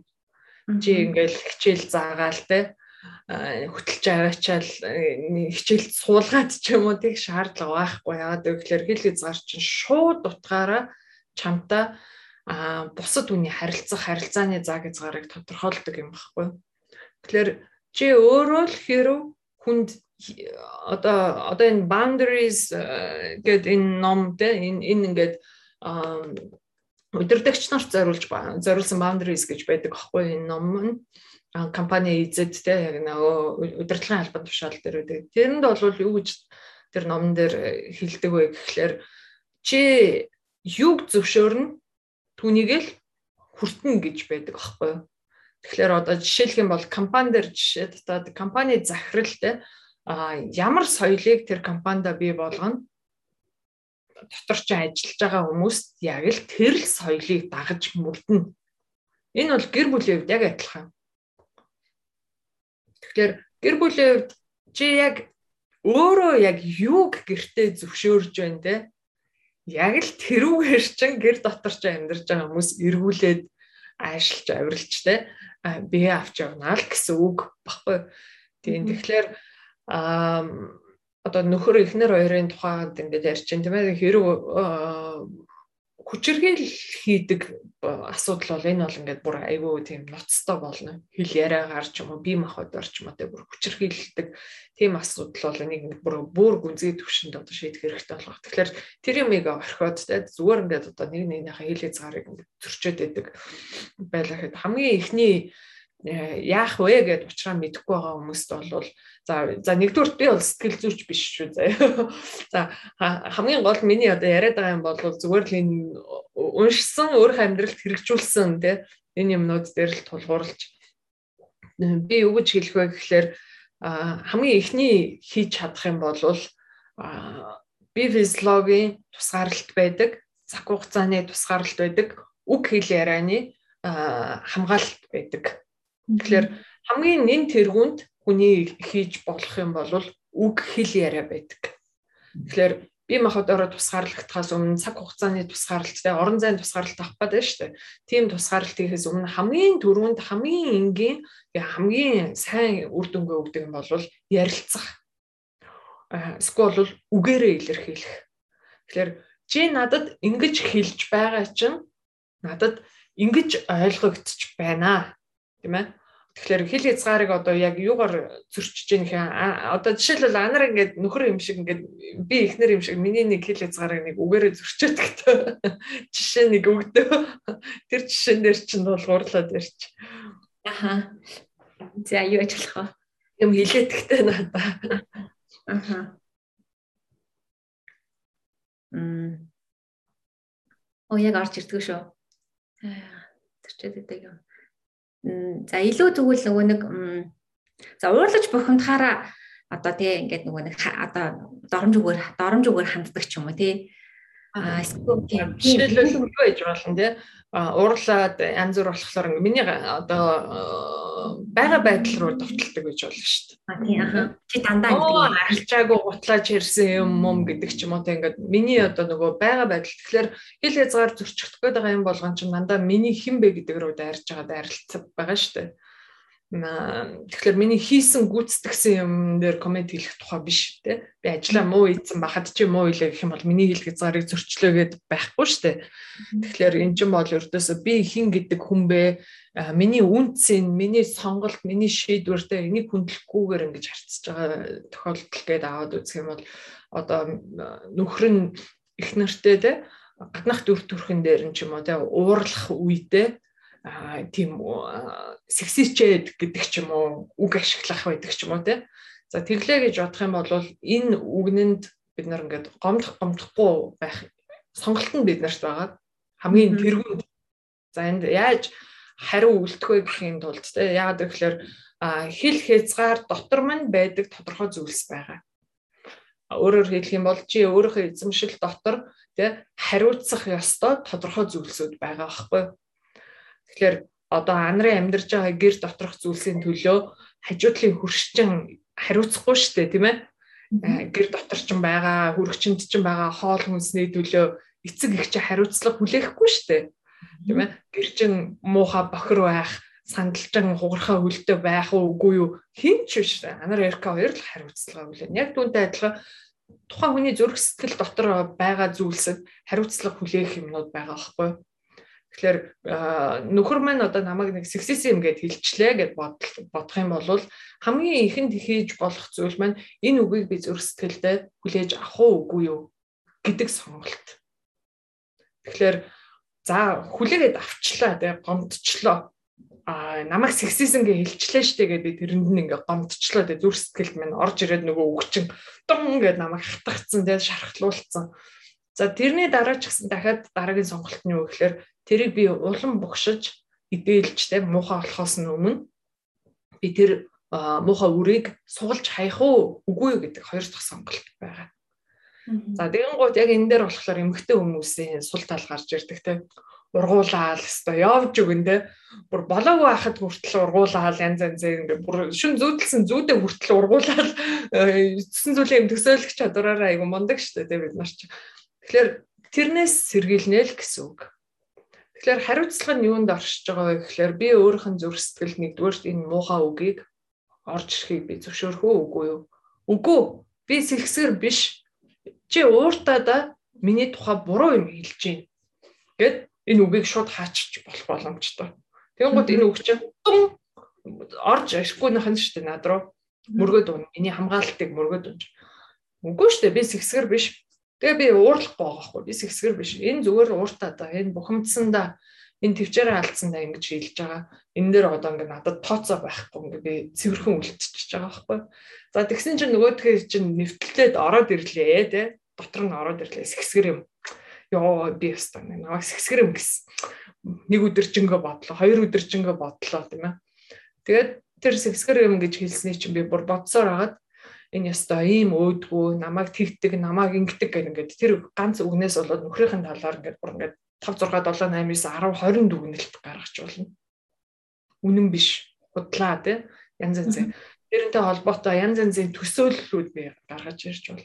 За тэрийг тэгвэл өгшүүлэхгүйгээр би нэг сэгсгэр гэдэг үг ингээд надад амар хүнд тусаад би ингээд гомдоод яваад өрөөндөө ороод уйллаа, тайвширлаа хэдэн минут тэгвэл өөртөө цаг гаргаад би бодно. Би ингийг зөвшөөрөх хэрэгтэй мүү үгүй мүү тэ? Энэ үгнээс олж би ингэж хямраад би бүх өдрөө ингэж баллах зохистой ийм үг юм уу эн чин тэ? Энэ үгэнд гомцсноос болоод би одоо хүүхдүүдтэй ууралж эхэлнэ. Үлдсэн бүх өдрийг би гониглах болно. Надад айгүй хүнд болох болно. Би ийм юмыг үргэлжлүүлээ дотроо хадгалах нь зөв үгүй юу гэд нэг 10 минут өрөөндөө уйлаад суугаад бодоод ер нь энийг би гаргаа хаяа гэж нөгөө дотор орцсон байсан юм аа суг татаад гаргаа хайчих байгаа байхгүй. За тэгэхээр энэ бол зүгээр ингээд хамгийн basic бид нарын нөгөө өөрийнх нь хэмжээнд өөрийнх нь зөрсдөлийг хамгаалах төвшөнд хийж болох. За хоёрт нь тэгэж хилээд байгаа нөхрийг яах вэ? Тэ энэ нөхөр чинь үгээд явахгүй надтай гэрэлцсэн битээр андгаа тангараа өргөцсөн тэ уур нь хөрх болгондоо намайг сэгсэргээд ах юм бол одоо юу болох вэ? Тийм ээ. Тэр болгонд нь би ингэж одоо цаг гаргаад суух юм болж байна. Эсвэл энийг би таслан зогсоох. Тэгээд яаж таслан зогсоож болох вэ?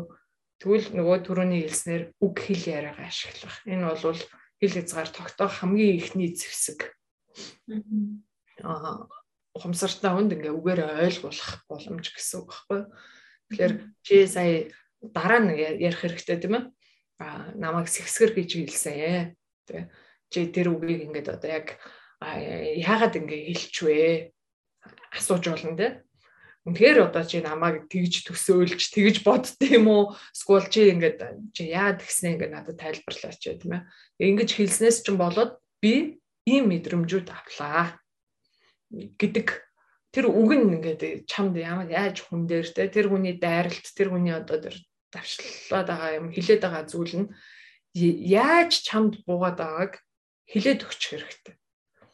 Зүгээр уйлал зүгээр гомдлоо байх биш тэ чи ямар муухай ингээл эргүүлэл өөдөөс нь атаклал нэг уучлалтын үг авах гал ингээл эргүүлэл манипуляцлаад ахихаа оронд зүгээр ингээд энэ хийсэн юм чинь хүнд ямар нөлөө үзүүлж байна вэ гэдгийг эрүүл ингээд саруулаар ингээд хилээд өгчих хэрэгтэй тийм А тэгээд ийм хилж өгөх бол ер нь тэгэл ихэвчлэн юугаа ондог штэ байгаа ондог. Ингээд хэлээд өгчөөд ахад ойлгодгүй нөхөр уяал ер нь их ховор штэ тий. Тэгээд та нар нөхрүүдтэй хэлжсэн л байлгүй дээ тийм ээ ямар нэгэн зөрчилдөөний дараа инглээ гэдэг. Тэгэл ойлголцчихсэн л үсттэй тий. Тийм тэгэхээр өөрийнхөө гомдсон гомдол одоо зүрх сэтгэлдээ оруулчихсан тэр зүйлээ эргүүлээд бусдын эсрэг хил хязгаарыг зөрчих эсрэг дайрах, давшлах зэвсэг болгож болохгүй. Тэр чинь одоо бидний хариуцлага дотор унчиж байгаа байхгүй юу? Тийм. Одоо тэгээд за за яг сая чи нөгөө энгийн юм аваад байгаа шүү дээ. За тэгэнгүүт үг хэлээрээ ингээ ярьсан ч гэсэн ойлгохгүй дахин дахин татгатаад байвал гэдэг нэг хэдийн дурсан шүү дээ. Та тэрийг ингээд яг хөө саяын нөхцөлтөр бол мэдээж болчихлах таа сексизм гэдэг хэлбэлж. Тэгээ арай нэг өөр хүн төвшний юмн дээр дахин дахин тавтагдаад байгаа юм дээр авах дараа дараагийн шатны юмнуудыг таас хэлж өгөөч. Тэгээ яг хөө аа ер нь зөвхөн нөхөр гэлтэхгүй ер нь тийм үг хэлээраагаар доромжлогч ч юм уу хэл хязгаар хэд их зөрчигч одоо хатам ээж байдаг ч юм уу те байнга дэлгүүрээс юм аваад өдөр болгон манай гэрийн хүнсийг базаах гал ороод ирдэг ээж байж болох юм. Тийм ээ бид нэр одоо яг тэр хадам ээжийн зүгээс бол хайрын сэтгэлээс л тэгж байгаа шүү дээ тий. А гэтэл манай өрх гэрийн хувьд болохоор бид нар ингээд гэр бүлээ барьж байгуулах гэж байгаа залуу гэр бүл байж болно тий. Хоёлаа ингээд цалин мөнгөөр амьдарч сурах гэж байгаа а хоёлаа одоо ингэнэ гэд ам тангараг өгцөн оролцож байгаа, суралцж байгаа тийм байж хахад нэг тижээгч гараад ирчихсэн. Нөгөө хүүгээ юм уу охиноо үргэлжлүүлээ тижээх гээд байдаг. Тийм ээж юм аав байж болох байхгүй. Тэгвэл тэр хүнд ч гэсэн тэгвэл яаж хандах юм те? Өдөр болгон хаалга тогшоол орж ирээл сүү яриад орж ирээд байвал гэтэл би тэгмээргүй шүү дээ. Би өдөр болгон тэр хүнийг хармааргүй. Би өдөр болгоныхаа сүгээ би өөрөө худалдаж авмаар юм тийм ээ. Өөрийнхөө олсон мөнгөөрөө эсвэл бол би нөхрөө ажил хийлгээд нөхрийнхээ олсон мөнгөөр нөхрөөрөө тэр сүгийг ахуулмаар байна. Тэгж яхад ээж нь хүүгийнхээ өмнөөс те тэгээд ангууд нөгөө тижэлгсээрээ сурцсан хүүн бүр тав тухтаа сайхан байгаад байдаг. Уул нэг нөхрөөрөө жоох ажил хийлэгчмээр байдаг те гих мэтчлэн юм зөрчлүүд бас гарч ирдэг шүү дээ. За тэгэл тэрэн шиг одоо найз нөхөд ч гэсэн бас байдаг. шал шалахгүй шаардлагагүй асуудал болгоно заавал хурж ирж хүнд ингээд яриад те миний 2 3 цагийг ингээд авдаг юм уу тийм ээ. Тэгээ эргүүлээ тэр хүнд ингээд үн цэнтэй зөвлөгөө өгсөн ч хизээч өөрчлөгддөггүй. Өөрөө тийм асар их хэл хязгаарын асуудалтай тийм найз нөхөд бас байж болдог тийм ээ. Тэгэхээр яах вэ тэгвэл тийм хүмүүсийг тийм хүмүүст бид нар бас мэдээж хэрэг хэлнэ ойлгохгүй тий ойлгохгүй байлаа гэх юм бол тэр хүмүүсээс бид нар ингээд цаг хугацааны э, зай авч болно завсарлага авч болно гэсэн. Тэгэхээр тодорхой хугацаанд уулзахгүй байх гэдэг чинь байнга уулзаад байнга ирээд байдаг бол тэрийг нь цөөлөх байнга уулзах гэдэг байнга ирээд байдаг тэр эрэлтүүдийг сөөлнө гэсэн үг. Тийм ээ. Баг болгоно. Өдөр болгон үрж ирээд байдаг. Өдөр болгон уцаар яриад байдаг бол тэрийг нь болиулнаа гэсэн үг. За уучлаарай. Өнөөдөр би боломжгүй байна, тийм ээ. Өнөөдөр манад битгий ирээрээ би ийм ийм ийм ажилдаа завгүй байгаа гэдэг тодорхой харилцснаа гэсэн. Тэгэхээр за хийх юмгүй байсаар үжиж худлаа яриа хайшаа чинь. Тэгэхээр өөрийгөө одоо бас нэг завгүй болгодог ч юм уу, тийм. Гэх мэтчлэнгээр ингээд цаг хугацааны орон зай бид нар ингээд завсарлага аваад завсарлага авангууд тиймэрхүү завсарлагууд аль аль талдаа өгөөчтэй байдаг. Нөгөө хүн байнга үзэгдэхээ очингууд өө би нэр яах вүлээ? гэх ингээ өөрийгөө ингээ сатуулах хэрэгтэй болдог. А тэр үнний бас идэд байсан тэр цаг зав хугацаа ингээ надад ингээ сулраад чөлөөтэй болоод ирэнгууд тэрнийхэн оронд нь би илүү өгөөчтэй бүтээмжтэй өөртөө эрэхтэй цалин мөнгө олох эсвэл суралцах хүмүүстэй уулзах ч юм уу те өөр юм зарцуулах боломжтой гэдэг. Нөгөө талын хүн ч гэсэн бас яг тийм болдог. Над руу дандаа гүүгээд байдаг тэр цаг нь гүөх боломжгүй болоод анар завгүй гэсэн ингээд хилчингууд завгүй гэсэн би одоо яах вэ гэдэг. Ингээд өөртөө өөр анарыг хайгаад яваад өгнө. Э, дандаа чам руу гүгээд байгаа болоод өөр хинд те туслах өөр хинд очиж үгэлэх үү одоо тэр хүмүүсүүдээ ингээ хайгаад явнаа гэсэн. Тэгэхээр хүмүүстэй ямар хуу одоо нөхөр хүүхэд биш төрлийн хүмүүстэй хэр хэмжээнд харилцаад байж хахад хангалттай вэ гэдэг хэмжээгээ тогтоочход болчихж байгаа байхгүй юу? Хэр хэмжээнд а нөгөө талд нь тэр хүнийг бас хэр хэмжээнд миний амьдралд оролцож те а яхыг зөвшөөрөх вэ гэдэг хэмжээгээ ингээд тогтоочих хэрэгтэй. Тэгэхээр манай нөхөр бит хоёр бол анх гэр бүл болчоод энэ дээр айгүй их ярьдаг байсан. Анх бит хоёр гэрлээд би нөхрийнх руугаа нүгээд тэрнийх ингээд айгүй олон өрөө байранд ингээд хүн болгоо нэг нэг өрөөнд ороод амьдэрчдэг байсан байхгүй юу. Тэгээд хангалттай олон өрөөтэй юм чинь тэнцэн очиод амьдэрчий гэд э, нөхрийнх руугаа нүүчихгүй юу. Тэгээд тэнцэн нэг 6 сар амьдрал тэгэл хоёулаа хоёул хоёлаа яаж хоёулаа тусдаа гаргав. Бид өөрөө ингээ хэл хязгаарыг тийм ноцтой зөрчөөд байгаа юм бол байхгүй. А гэхдээ яг Баатра зулаа гэдэг гэр бүл бий болоход тэнд болвол ердөөс яг бит хоёрын гэр бүл гэдэг юм тэнд аль хэзээний бий болцсон гэр бүлийн дотор нэг юм салбар гэр бүл байгуулах гэж байгаа юм шиг айгүй сонин огт авцалтаж өгөхгүй байсан байхгүй юу? Тэгэл ердөөсөө айгүй эвгүй тийм ээ гэр бүл гэдэг чинь хоорондоо эвдээ найртай хоорондоо ердөөс ингэ чөлөөтэйгээр нэг нэгэндээ хуваалцдаг, өвөлцдөг, авалцдаг тийм байх хэрэгтэй байхад ч тэгж амьдарч байгаа хүмүүсийн дотор нь бид нар очичоод хажууд нь өөр юм гисэн нэг culture тий гэр бүлийн соёлыг бий болгох гээд нэг өрөөгийн түрээслэж амьдарч байгаа түрээслэгч нар юм шиг айшлах гэдэг эрэнгууд чинь тэр гэр бүлийг бид нар ингээ хохироож эхэлж байгаа байхгүй бид нараас болоод ингээд эвгүй те тавгүй болж байгаа. Тэгээ за ийм байж болохгүй. Бид өөрөө одоо удахгүй хүүхэдтэй болно, үр хүүхэдтэй өөрсдийнхаараа зааж сурахыг хүсэж байна те. Тэгэхээр яадаг ч байсан тустаа гарья гэд шууд тустаа гарч ирсэн.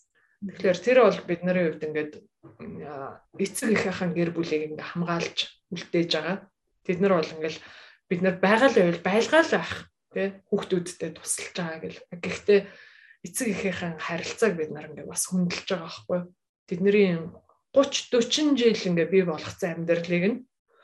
Тэнд нь бид нар те хажууд нь ингээд шигтчихэд өөр төрлийн соёл бий болгох гээд өөр төрлийн аргаар хоолоо хийдэг. Тэгснэ тэргээ өөрөөр тавгалж иддэг. Тэгснэ хоолоо идснийхэн дараа цэвэрлдэг арга нь хүртэл өөр ч юм уу. Ингээд ингээд юм зөрчил үүсгээд ингээд тав тухтай амьдрал нь эхлэх ёстой. Тэр 50 нас хүрсэн эцэгхийг одоо л амар тайван амьдрах ёстой ахтан бид нар тэрийг ингээ хулгайлмааргүй булгаамааргүй хоорондоо ингээд аз жаргалтай зүгээр одоо зүгээр үр хүүхдүүд нь сайхан амьдарч байгааг л хараад байж байгаасаа гэж хүсэж байгаа байхгүй. Тэгээ явж исэн.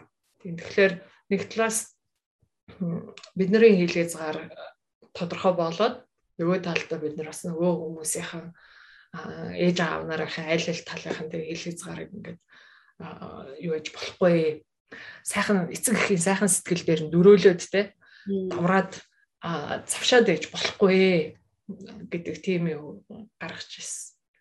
Тэгэхээр тэр бол яг гарцаагүй орон зай цаг хугацаанд юм тусгаарлалт бол айгүй чухал тийм эхлэл шинэ гэр бүл бол чухал эхлэл болж ирсэн. Тэгэхээр надад нөгөө одоо яг саяын яриан дээрээс дүнхээр яг тийм хоёр төрлийн юм гарч ирж байгаа байхгүй. Нэг нь болохоор яг нөгөө илүү одоо шууд ингээд мэдрэгтгүүцээр ингээд одоо дайрж одоо давшиж одоо орж ирдэг ч юм уу те хил хязгаарыг ингээд зөрчиж байгаа ингээд шууд ингээд танигдахаар тийм зөрчил байгаа. Нөгөө талд нь болохоор айгүй тийм хайрлж байгаа тий одоо өөрийнх нь төлөө гэсэн юм сайн санаж байгаа үднэс одоо орж ирж байгаа одоо нэг хил хязгаар тийм үйлдэл гаргаж байгаа. А тэгтээ нөгөөх нь ингээд яг үнэндээ бол бас л хил хязгаар зөрчөөд байгаа. Одоо саяхан ярьдаг те хадам ээж нь одоо юу гэдэг хайрлж байгаа учраас өдрө болгон хурж ирээд ч юм. Яг энэнтэй адилхан ингээл туслая одоо тий хамаатан сатанда ч юм уу одоо хин нэг туслая би одоо чамд ингээд чиний сайнны төлөө туслах гад байна гэд нөгөө хил хязгаарыг зөрчөөд байдаг. Ийм хоёр төрлийн юм байгаад байгааг бол бол ингээд сая яриан дээрээс харж ш тий. Тэгэхээр аль аль нь одоо нөгөө харахад аль аль нь л нөгөө хүний хил хязгаарыг зөрчөөд байгаа үйлдэл болчихж шít. А тэгэхээр надад бас нэг асуулт байна л да. Бид нар бас нөгөө одоо нөгөө саяын нэг өнгөрсөн яриан дээрээс надад санагдсан юм нь би өөрөө хүний хил хязгаарыг бас ингээд зөрчөөд байгаа юм бол айгүйх байгаад байгаа юм гэдгийг би бол айгүй анзаарсан байхгүй юу. За энэ дээр ер нь бол айгүй бас яралтай ажиллаж эхлэхгүй бол бодож те тунгааж юуг нь өөрчлөх хэрэгтэй гэдгийг ярилцахгүй бол ер нь ингээд болохгүй байгаа юм байна гэдэг би ингээд өнгөрсөн 7 хоног нөртөг бас ярьжсэн байхгүй. За би ер нь ингээд байгаа юм байна. Өөрийнхөө өөрийнхөө хариуцах хэрэгтэй юм аа өөрөө хариуцах чадахгүй сэтгэл хөдлөл мэдрэмжээ хүртэл ингээд аваачиж наагаал. Одоо би нэг юу яаж байгаа байхгүй. Одоо жишээлх юм бол нөгөө дайт барьж байгаа байхгүй юу? Тэгээд юм хэсэг юмнууд ингээ идэхгүй байгаа. Гуйрал өндөг нэг хэсэг юмнууд ингээ идэхгүй. Тэнгууд эн чинь ингээ сэтгэл зүйн надад яалтчгүй ингээ нөлөөлж байгаа байхгүй юу? Би ингээл одоо гой ингээд ааруул идэж чадахгүй ч юм уу. Тэгээ би ингээ Монголоос сайн нэг юм жишээ гарсан. Ингээ Монголоос нэг жоохон ааруул ингээ авчирчаад тэрийг би ингээ өөрөө идэж чадахгүй байгаа штэ. Тэгэн гоо та тэрийг ингээл гаргаж ирчихэл нөгөө нөхөрлөөгөө ингээл яриад. Энийг идчихээч ийм гоё юм байх чи ингээл идчихдэггүй ямар сони ингээл баг. Тэгээ сүүлдээ тэр нь ингээд бүр ингээд би ингээд таймн л бүр ингээд амар дайрч. Бараг л ингээл хэвээр ийм гоё юм би чи идчих чадахгүй модохгүй тэр ял нөгөө тийгөө ингээд нөхрийгөө ингээл амар баг ачаагүй юм гэх нь холгүй ингээд болчихж байгаа байхгүй. Тэгээ сүүлд нь ингээд нөгөө энэ хил язарын талаар ингээд бодож исэн чинь хүүе би чинь ингээд энэ чинь ингээд би дайт барьж байгаа. Би өөрийнхөө төлөө ингээд өөрөө ингээд энийг шийдээд би хийж байгаа штэ. Одоо нөгөө юм яа хорж байгаа. Тэгчээд тэр нөгөө сэтгэл хөдлөл мэдрэмжээ өөрөө өөртөө л байлгахгүй очиж хүн рүү ингэж аваач наагаал төхрөө тэрэнд ингээл оруулаад буруутгаад тэгээ би тэрийг хараад хөөхгүй ингээд ийм юм дээр хүртэл ингээд ингээд нөгөө нөхрлөг ингээд одоо бусад хүний хил хязгаарлаа ингээд дайраад байгаа юм байна гэдгийг ингээд харж байгаа хгүй. Тэгээд бодсон байхгүй аа миний өөрөх хэстэй юм тэгээ хариуцах хэстэй юм мэдрэх хэстэй юм гэж байгаа. А бусад хүнд яалтчгүй ингээд ямар ч хамаагүй байгаа хгүй энэ би нэг одоо аршилтаа болчихсон ийм дайт ирж байгаа. За 50-нд ямар ч 50-гийн буруу байхгүй шүү дээ тий. Тэгвэл яг хүнд ингээд буруу өгчихсэн явж байдаг ч юм уу. Тэгэхээр яг иймэрхүү байдлаар ингээд нөгөө хүмүүсийн хил хязгаарлал би болон аягүй зөрчдөг төрлийн байгаа хгүй янз бүрийн байдлаар одоо тэр манипуляцлдаг ч юм уу эсвэл бол бүр шууд ингээл амар хянаад ч юм уу тий. Тэгээ хүүхд дээр одоо нэг ийм асуулт гарч ирж байна л да. Хүүхд дээр одоо жишээлх юм бол за ингээд хоол иддгүү эсвэл бол ингээ нэг юм хийлгэх гэ за одоо хичээл хийлгэх гээд одоо манай хүүхд нөгөө сургуульд ороод Тэгэн гот ингээд хийхгүй ангууд нь за одоо тхиим бол тэгнэ гэдэг нэг юм юм гарч ирдэг штэ тий. За одоо хоол идэхгүй байлаа гэхэд чи наатахаа идэхгүй бол баг ингээд дараа нь ингээд одоо амттай юм ингээ байхгүй шүү гэдэг. Одоо би хүүдэрээ жишээл ингээ тиймэрхүү юм гаргачихчаа.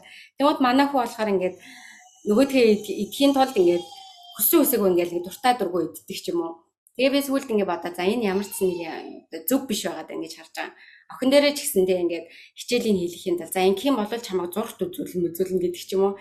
Тэгэхээр нэг иймэрхүү нөгөө нэг юм амар энгийн юмнууд байдаг штэ ингээд хүүхдээ ингээд нөгөө өөрөөр нь сонголтыг хийлгэж чадахгүй ангуудаа ингээд өөрийнхөө хүсэлт ингээд оруулахын тулд нэг юм юу тавьчихдаг.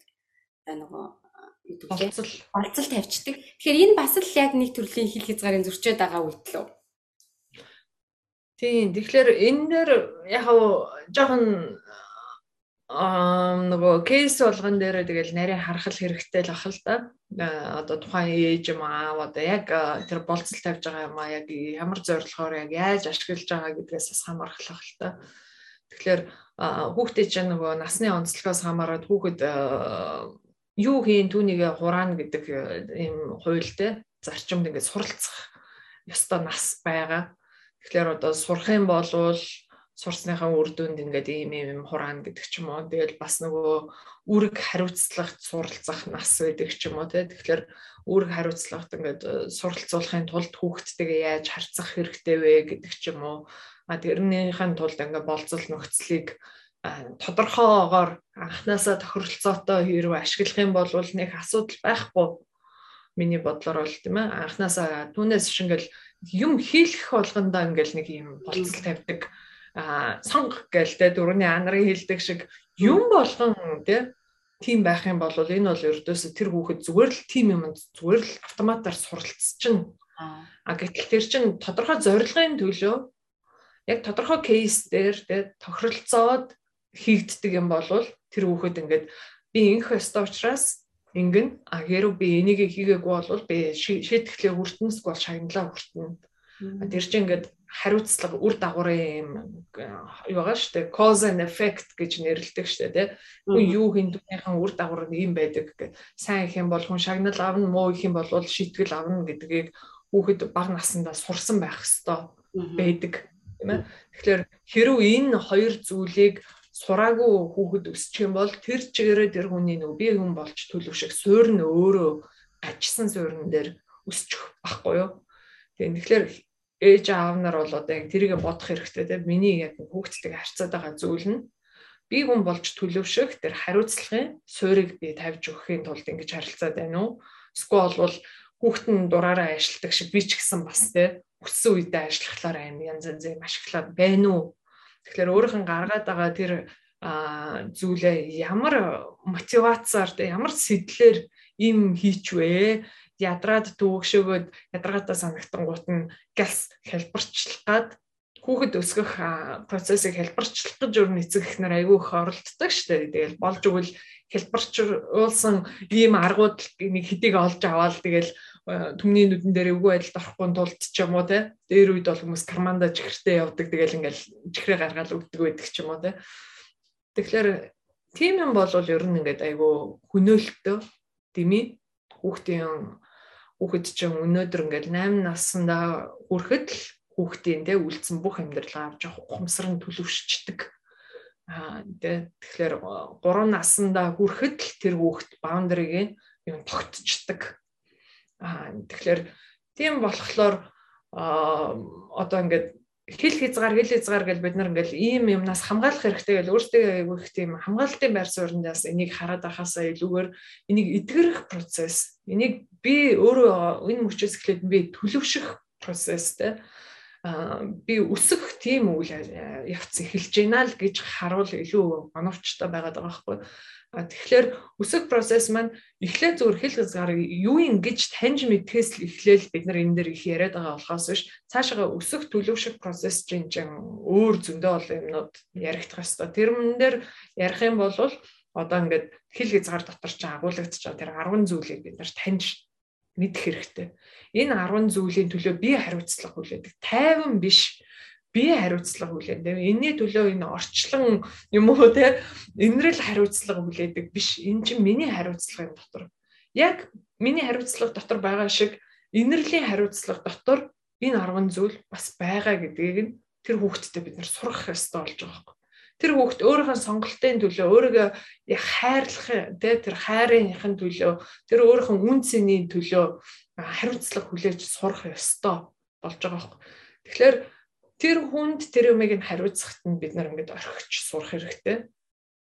Аа тэгээд өөрийнх нь харин хариуцах юмда бид нэр эзэн болж сурах хэрэгтэй. Сайн эзэн болж сурах хэрэгтэй тийм. Хийж байгаа сонголтууд маань сайн, зөв, эрүүл байхад бид нар сонголтуудтай эзэн болж сурах хэрэгтэй гэдэг ч юм уу тийм. Амьдралдаа юуг одоо үнцийг олгож тавьсан. Тэд нарыг ингээд бүр ингээд шигшээд харах хэрэгтэй. Амиа ичиг зан ингээд бүр үнцийнх нь дээгүүр нь явж байгаа бол тэрийг болох А тэгэн гут чинь чинь би өөр дээр ил ажиллах юм болоод байгаа байхгүй. А тэгээд хэл хязгаар хэрв маш ихээр зөрчигдөөд ингээд зөв тогтоогүй өсөөд төлөвшөөд тийм хүм өнөөдөр нэгэнд бий болчихсон байгаа бол эндээс бид нэр эдгэрэх хэрэгтэй. Тэр процесс нь бол одоо эргүүлээд нөгөө хэл хязгаар зөрчигч нартайгаа зөв эрүүл харилцааг барьж байгуулах. Тэрийг болохоор ингээд сонсол гэж нэрлэж байгаа. Бондинг гэдэг тэр процессыг бид нэр эхлүүлэх хэрэгтэй. Аа эрүүлэр зөвөр те. Тэгэхээр энийг болохоор нөгөө за би нөгөө хальт дуртчээ те таван үе шат байгаа гэд би түрүү хэлээдсэн шүү дээ тийм ээ. Тэгэхээр хамгийн эхнийх нь болохоор бондинг гэж байгаа байхгүй.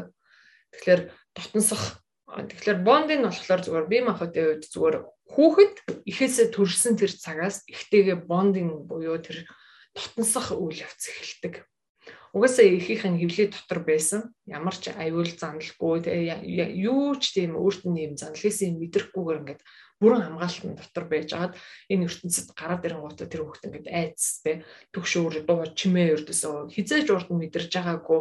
Тэр олон сарын турш хизээч амсч мэдрээгүй юм руугаа ороод тэгээд тэр хүүхдийг хамгаалах цорын ганц хамгаалт нь ихэн болж өрдөг тэгээд ихэн дэврээд маа гэж чарлал гараад ирдэг үстэй айгаал ингээл чичрээл чарлал тэгэл аваад хүүхдийг нь шууд ихийнх нь цэжин дээр нь тавиал мөмиг нь амлуулаад те тийм гутал тайвшраал дуугаа болол ээжийнхэн дуу хоолойг сонсвол шууд тайвшраал ирдэг. Тэгэхээр яг тэр bonding process нь ердөөс эхний нэг жилийн хугацаанд айгүй гүнзгий явагддаг. Бүх тэр харилцааны хүмүүст итгэх итгэхгүй гэдэг тэр суурь тэр нэг жилийн ээжтэйгээ bond хийсэн процесс дундуур явагддаг байгаа байхгүй. Тэгэхээр бид нар яг энийг л ингээл эхлүүлнэ гэсэн үг болж байна. Нөгөө хүнтэйгээ бонд хийх, тэр хүнд ингээд итгэх, тэр хүндтэй эрүүл зөв харилцаж эхлэх. Тэр яг бондинг эхлээд нэг наснасаа эхлээд хүүхэд нөгөө тусгаарлагдах одоо нөгөө separateness гэх ээжээсээ тусгаарлагдах процесс эхэлдэг байгаа байхгүй юу? Тэр нь болохоор урд нь ингээд нэг насаа хүртлээр тэр бондын үед дотор ингээд эхний онцгой мөр 6 7 8 сарын хугацаанд бол бүх юмыг би бол ээжээ салшгүй нэг хэсэг гэж хардаг байгаа байхгүй хүүхэд. Тэгэл ээж л байхгүй бол орилоо уйлал өрдсөн юм болгон л ээжээс зүгдээс хамааралтай тэр нялах нэраа үе. Тэгээд тэр хүүхдийн хувьд өрдсөн өөрийгөө би хүн гэж таних тийм юу би болоогүй бүх юм ээж ээж бит хоёр нэг юм байна. Тэгэхээр ээж бит хоёр салж болохгүй гэдэг л ойлголттой. Тэгэл ээжийнхээ өвөр дээр гэвтэл мөмөө эдэл ээжигээ хараад энийгээл баясаал те. Тэгэл ингээл ээжигээ харахлаар л энийгээл баясаал гэж гэдэг. Өртөөсөө тэр хүний тэр хүүхдийн хувьд ингээ ээж бит хоёр нэг бий гэсэн тэр ойлголт. Тэгээд 8 сараас нь эхлээд тэр separateness буюу ингээд ихээсээ салах өөрөө бие хүн болж эхлэх өөрөө ертөнцийг таньж эхлэх, мүлхэж эхэлдэг хугацаанаас эхлээд Оо би чи ээжээсээ хол явж болох юм байна ингээ орон зайгаар ингээд газар зүйн хувьд ингээ ээжээсээ холдож эхэлж байгаа. Ээж тэгээ дандаа зурлалдаад байдаг тэр цаг хугацааны тэгээ тусгаарлалт нь ингээд эхэлж байгаа. Дандаа ээжийн үр дээр байгаад ах хүсэлгүй ээжигээ түлхдэг болж эхэлж байгаа. Ээж нь нөгөө нэг хүүхдээсээ салтгүй ээж чинь байсгийг л хүүхдийнхэн тэ нялхахтай уйлглаар амруу мөмөж ихэл тавшруулцдаг гэсэн бол 8 9 10 сард одоо хүүхэд дургуйцдаг мөмнөөсөө татгалцдаг болоо. Тэр чинь ээж бит хоёр тустай юм байна.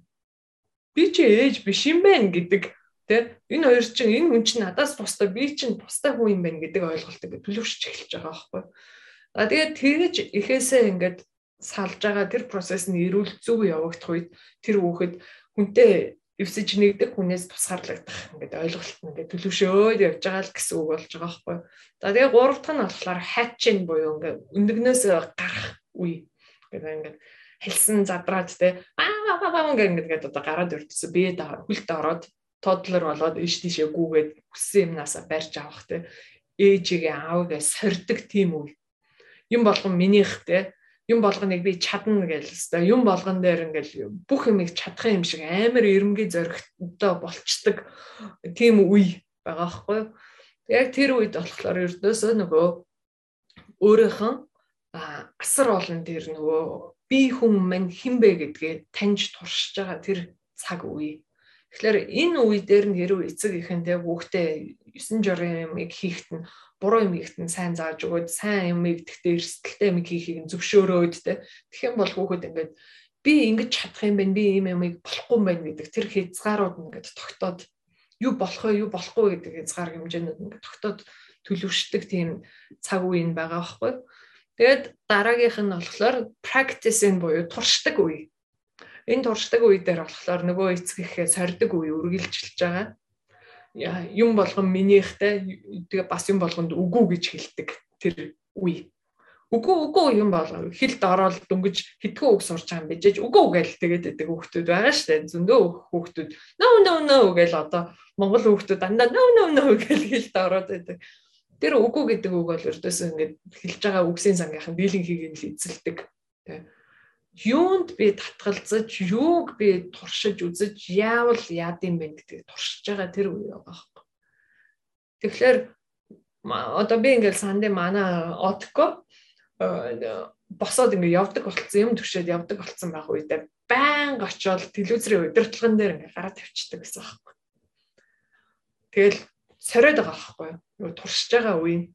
Энэ удирдлагыг авч болох уу болохгүй аваад телевизрийн сувгийг эргүүлж болох уу үгүй юу гэдэг хин тэ энэ удирдлагын эзэн бэ гэдгийг бид өөрийг чаленж хийгээд байгаа тийм.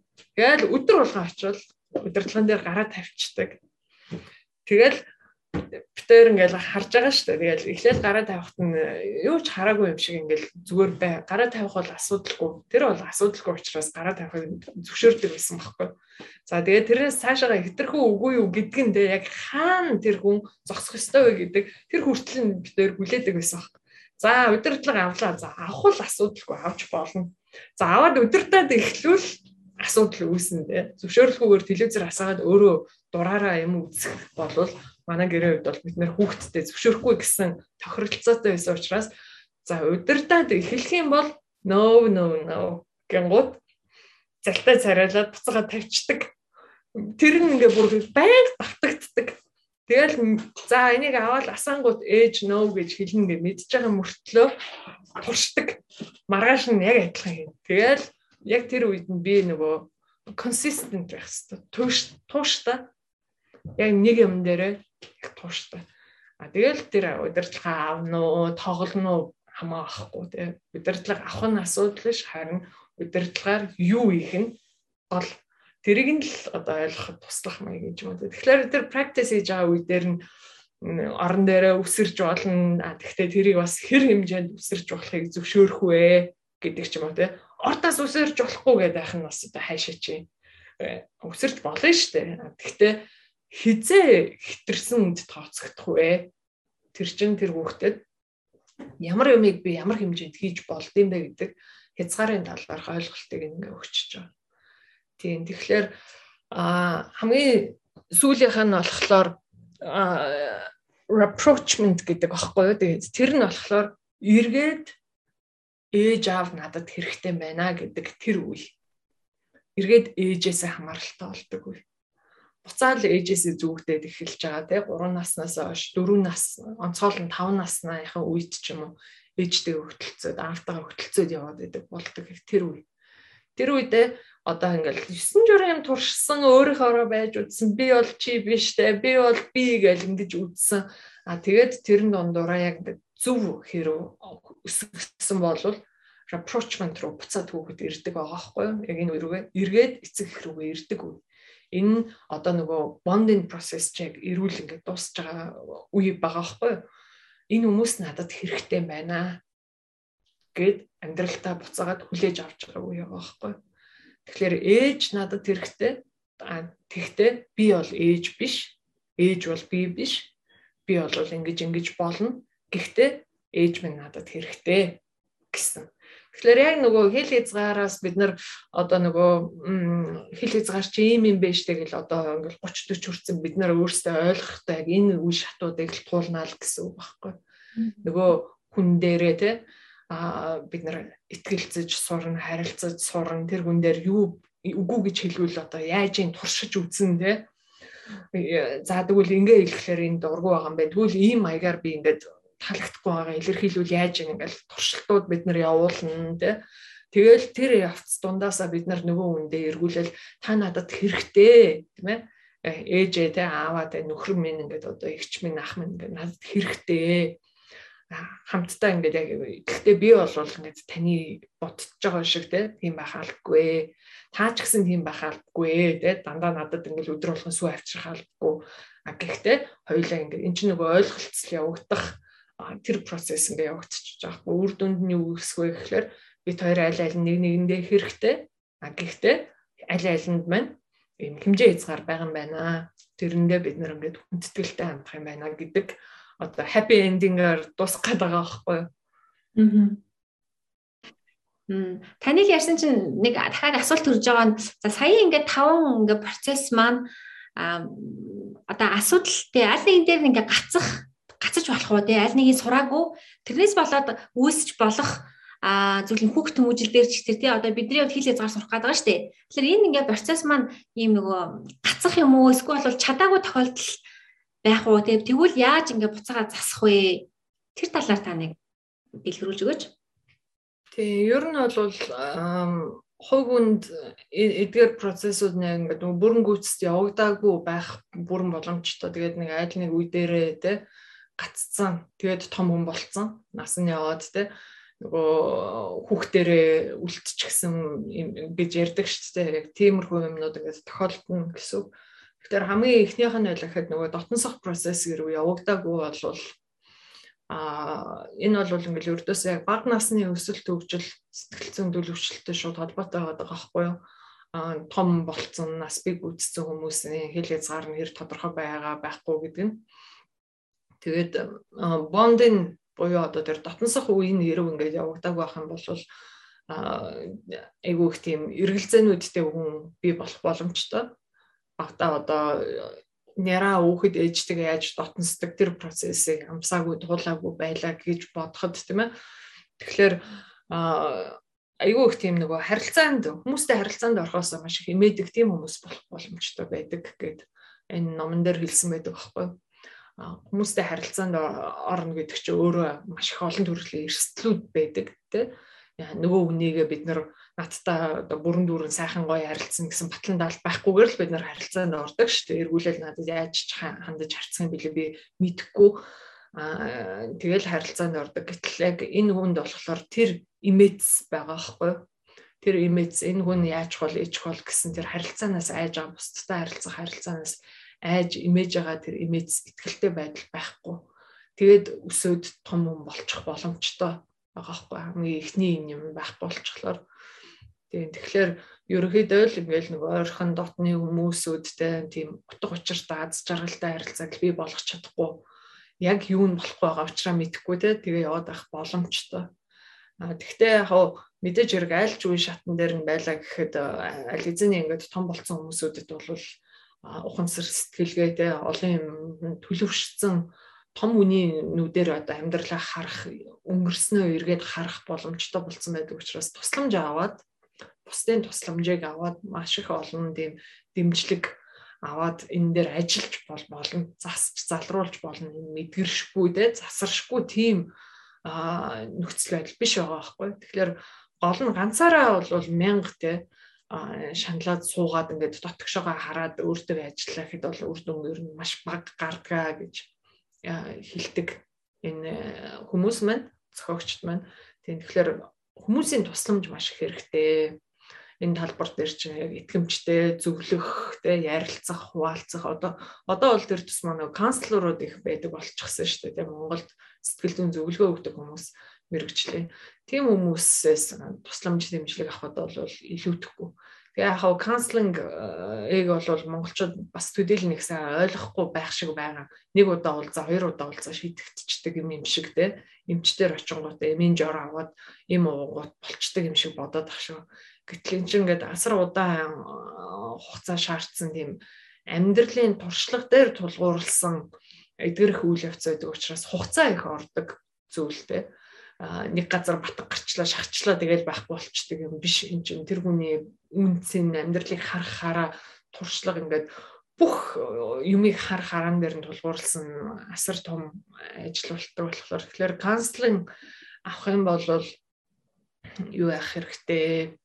А урт удаан хугацаа зориулаад тий тууштай шиг цуцлахгүй шантрахгүй явал зүгээр А тэгээ нөгөө нэг э, талын одоо бондын сайн явагдахгүйгээр ингээ өссөн хүмүүст э, хоёр дахь төрлийн асуудал нь болохоор дандаа бусдын золиос болж амьдардаг. Бусад хүмүүсийн хүсэл нэг тийм ээ бондын сайн явагдаагүйгээс болоод ердөөсөө л бусдад ашиглагдаж амьдардаг тийм хүн болж хувирдаг гэж байгаа. Тийм тэгэхээр бусдын хүсэлт захирагдаал тэг ингэ гэхлээр ямар ч нөгөө өөрийн гэсэн strong will тэ өөрийн гэсэн сэтгэлийн хат тэнхээ хүсэл эрмэлзэл гэдэг юм байхгүй тийм хүн болдгоо гэд тэгж байгаа байхгүй. Тийм тэгэхээр энэ бас их чухал үе шат байгаад байгаа. Тэгээ нөгөө салах үе, тусгаарлагдах үе байгаа шүү дээ. Салах, тусгаарлагдах үеийг бас сайн давж туулаагүй бол бас л ялгаа байхгүй одоо саяных шиг. Гүцэд салаагүй гүцэд тусгаарлагдаагүй тийм хүн бол аль ч харилцаан дээр ингээд нөгөө салж чаддаггүй тийм эмгэг харилцааны асуудлууд үүсэх боломжтой харилцааг дуусгаж тэ салж явах ёстой газарт орхих ёстой газарт орхиж чаддаггүй. Харилцаа нь ингээл айгу тийм харилцаа чи эхлэлтэй өрнөлтөө төгсгөлтөө Тэгээд дандаа хэмжээ хязгаартай ингээд те байж ах хэвээр хад тэр бүх юмнууд нь л өртөөс замбраага алдчихна гэсэн үг болж байгаа байхгүй. Тэгэхээр энийг салалтыг хийгээгүй хүн болохоор ч а ализины тийм хамаатай биш те. Зүгээр л салаад явах ёстой. Зөндөө олон харилцаанууд нь дуусгар болоогүй ингээд тодорхой бус байдал донд те нэх олон үнээр хүрээлүүлээд байгаа ч юм шиг тэр болгоноос амар их юм хүсээд хүлээгээд байдаг. Гэтэл тэд нар нь бол үнэндээ тэр хүсэн хүлээлтийг нь үрээд авах зориулттай хүмүүс биш байж болох ч юм уу тийм ээ. Аа тэгэл яг яг амьдрал дээр туулаад ирэхлээр чи ингээд ийм жижигхэн тойргоос л эхэлдэг штэ гэр бүл тэгэл ингээл ингээл extended family гэл ингээл ингээл тэлээлтэй гадагшаа явдаг байхад хүн болгон дотн гэр бүл юм шиг хараад явах юм бол энэ чинь өөр асуудал болчихж байгаа байхгүй. Би өөрөө мдэггүй байж байгаа нэг найзынхаа урмыг нь хугалцсан сууж байвал яах вэ тийм ээ. Нөгөөх нь надаас амар их юм хүссэн. Гэр бүлийн гишүүний дайны юм надаас хүссэн явж байвал яах юм. Энд чинь ингээд асуудал болчихж байгаа байхгүй юу?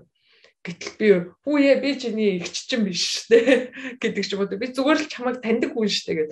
Гэтэл тэр хүнд болохоор нөгөө харилцааны заг хязгаарууд нь тодорхой төлөвшөөгүйгээс болоод а нэг бол юм болгоныг ингэж харах нэг бол юм болгоныг тэгж харах байдаг ч юм уу те гих мэдчлэн үүсэх боломжтой. Тэгээд нөгөө хайчин юм уу эсвэл practice нь үе дээрээ гацсан нөхдүүд бол ердөөс амьдрал тэр чигээрээ зугаар цэнгэл болоод хувирчдаг. Амьдрал тэр чигээрээ туршил. Яа тэ ингээл үзээ те 40 нас хүрсэн 50 нас хүрсэн. Яа тэ ингээл үзээ гэдэг одоо сагсчин болно одоо мотоциклчин болно оо одоо тэгнэ гэл ингээл юм болгон нарийн ингээ тий. Тэгэхээр тийч чинь нөгөө засвар орж ирээгүй практис хийж явах үед нөгөө нэг үгүй гэдэг засварууд нь орж ирээгүй байгаа учраас те энэ бол болохгүй гэдэг тэр нөгөө залруулгууд нь орж ирээгүй байгаагаас болоод тэр хүмүүс насан туршдаа наргид зингэж зугаатсан нэг л юм бүхэн гоё тэ юм бүхэн болдیں۔ тийм байх боломжтой. Тэгэхээр та нарт одоо тийм хүмүүс ингээд санаанд ч орж иж болно те. Ингээл ёо юм болгон гоё фан те юм болгон гоё пикник байдаг ч юм уу одоо тэгэл гэтэл тэр чинь амьдрал бол үнэ тийм биш шүү дээ. Амьдралд чинь хэмжээ хязгаар байдаг. Амьдралд чинь зовлон зүдгүүр байдаг те. Амьдралд олон юм байдаг. Тэр тэр аз жаргалыг чи хязгаарладаг нөгөө талд нь өөр юмнууд бас байдаг. Сайн сайхан байх хажуугаар ингээд сөрөг зүйлс ч гэсэн бас маш их байдаг гэдгийг мэдгүй байгаа юм шиг амьдраад тэгээд тэгж амьдраж ажилладаг хүмүүс ч болохоор бусдын тийм а одоо хэрэгцээнд мэдрэмжгүй байх боломжтой болчихж байгаа хэрэг. Тийм. Тэгэхээр одоо яг тэдгээрээ туулаад нөгөө approachment дээр ирж байгаа хүүхэд ч юм болохоор ээжээ та надад хэрэгтэй гэдээ эргүүлээд ээжигээ те ээжийнхэн байр суурин дээр тавиад та надад хэрэггүй гэж байгаа юм шиг ажиллаж исэн болвол эргээд тэр байр суурин дээр ирдэг шиг нас бий гүйтсэн хүн болвол юм болгоно юм гоё сайхан гэд байх ёсгүй. Харин тийштэй найзаа хэцүү үе байгаа юу юм ингээд ингээд нэг нэгэ тэгээ суух боломжтой тий тэр хүн дээр ч гэсэн бусад хүмүүс хурж ирээд амьдралынхаа хүнд хэцүү зовлон зүтгүүрийг ингээд нөлмөстэй гашуудалтайгаар хуалцах боломжтой. Гэтэл юм болгоно гоё яваад байгаа юм шиг дандаа амьдраад идэг хүн дээр хүн тэгж очиж чадахгүй. Энэ хязгаарч зовоогүй юм шиг амьдраад ингэж харагдаад байгаа болохоор те би мянга зовж исэн ч би тэр хүнтэй хуалцъя гэхэд өөдөөс өөр юм яриад байх боломжтой. Зүгээр штэ гэдэг. Зовж ийн гэдээ ахад зүгээр штэ гэдэг үг чи яг юу гэсэн үг юм өөдөөс нь үргэсээр шивээд байгаа юм шиг болно шүү дээ тийм ээ. Гэтэл тэр зовж байгаа хүнд тэр найз бол төлөвшсөн бол хамт зүгээр зовход л болчих гээд байгаа байхгүй юу. Тийм. Тэгэхээр яг энэ мэдчлэнгээр ингээд нас би гүйдсэн хэрнээ төлөвшлийнхээ энэ үеүүдийг ингээд нөгөө бүрэн дүүрэн тулаагүй өнгөрцөн байх боломжтой. Мм. Надад миний хувьд бол айгүй шинэл зүйл сонсч байна. Сая одоо энэ нөгөө бондинг гэж байгаа. Тийм тийм их гоё тийм чухал яриа байлаа. Ахаад өргөжлүүлээд бас ингээд энэ талаар бодох хэрэгтэй, бас мэдэх хэрэгтэй юм байна гэж бодож байна л да. Тэгээ хэдүүлээ ингээ яриа бүр маш сонирхолтой байна. Би бол ингээд зулаагчийг яриулаад сонсоо суугаад байгаа. Судалгүй байна айгүй гоё. Тэгээд гэтээ ялтчгүй нөгөө цаг хугацаагаа очиос би тэгэд бас тий юу байх хэвээр дуусгах хэвээр. Тэгээ тэрнээсээ өмнө нэг бас нэг асуулт байна л да. Энийг асуугаад тэгээд юу вэ? подкаст өндөрлөе гэж бодож байна. Тэгээ тэр нь сая зулаагч манд урдсан шүү дээ тий. Нэг а тунгагийн хариуцах хэвээр тий. Инэрлийн хариуцах хэвээр 10 зүйл гэд ярьж штэ тий. Тэгэхээр энэ дээр илүү жоохон тодруулаад энэ бас айгүй чухал ойлголт байгаад байгаа штэ тий. Нөгөө хил хязгаар дотор чинь миний хил хязгаар дотор байгаад байгаа юу юу байгаад гэдгийг дотор чинь гэдэг зүйлийн талаар энэ нь яг юу юу юм би яг юуг хариуцах хэрэгтэй гэдэг дээр илүү тодруулаад яридэх үү. Аа. За та нарт э, эхлээд хилээд өгье те. Жагс би жагсаа бичсэн байхгүй юу. За хамгийн ихэнд нь энэ ном номоо авах юм бол энэ номон дээр бас ингээд э, заримуд нь байсан тий. За эхнийх нь ингээд мэдрэмж Тэгэхээр бид нарын юу мэдэрч байгаа тэр одоо нөгөө мэдрэмжтэй яг сэтгэлдээ хүлээж авч байгаа зүйлс За тэгээ хандлага буюу ихтгэл үнэмшил гэж байгаа. Гурав дахь нь зан авир, дөрөв дахь нь сонголтууд, тав дахь нь бидний үнэт зүйлс, зургаа дахь нь хэмжээ хязгаар гэж байгаа. Одоо limitationнууд тэгээ хэмжээ хязгаар. За долоо дахь нь авиас бэлэг, найм дахь нь бодол санаа, ёс дахь нь хүсэл, арав дахь нь хайр гэж байгаа байхгүй.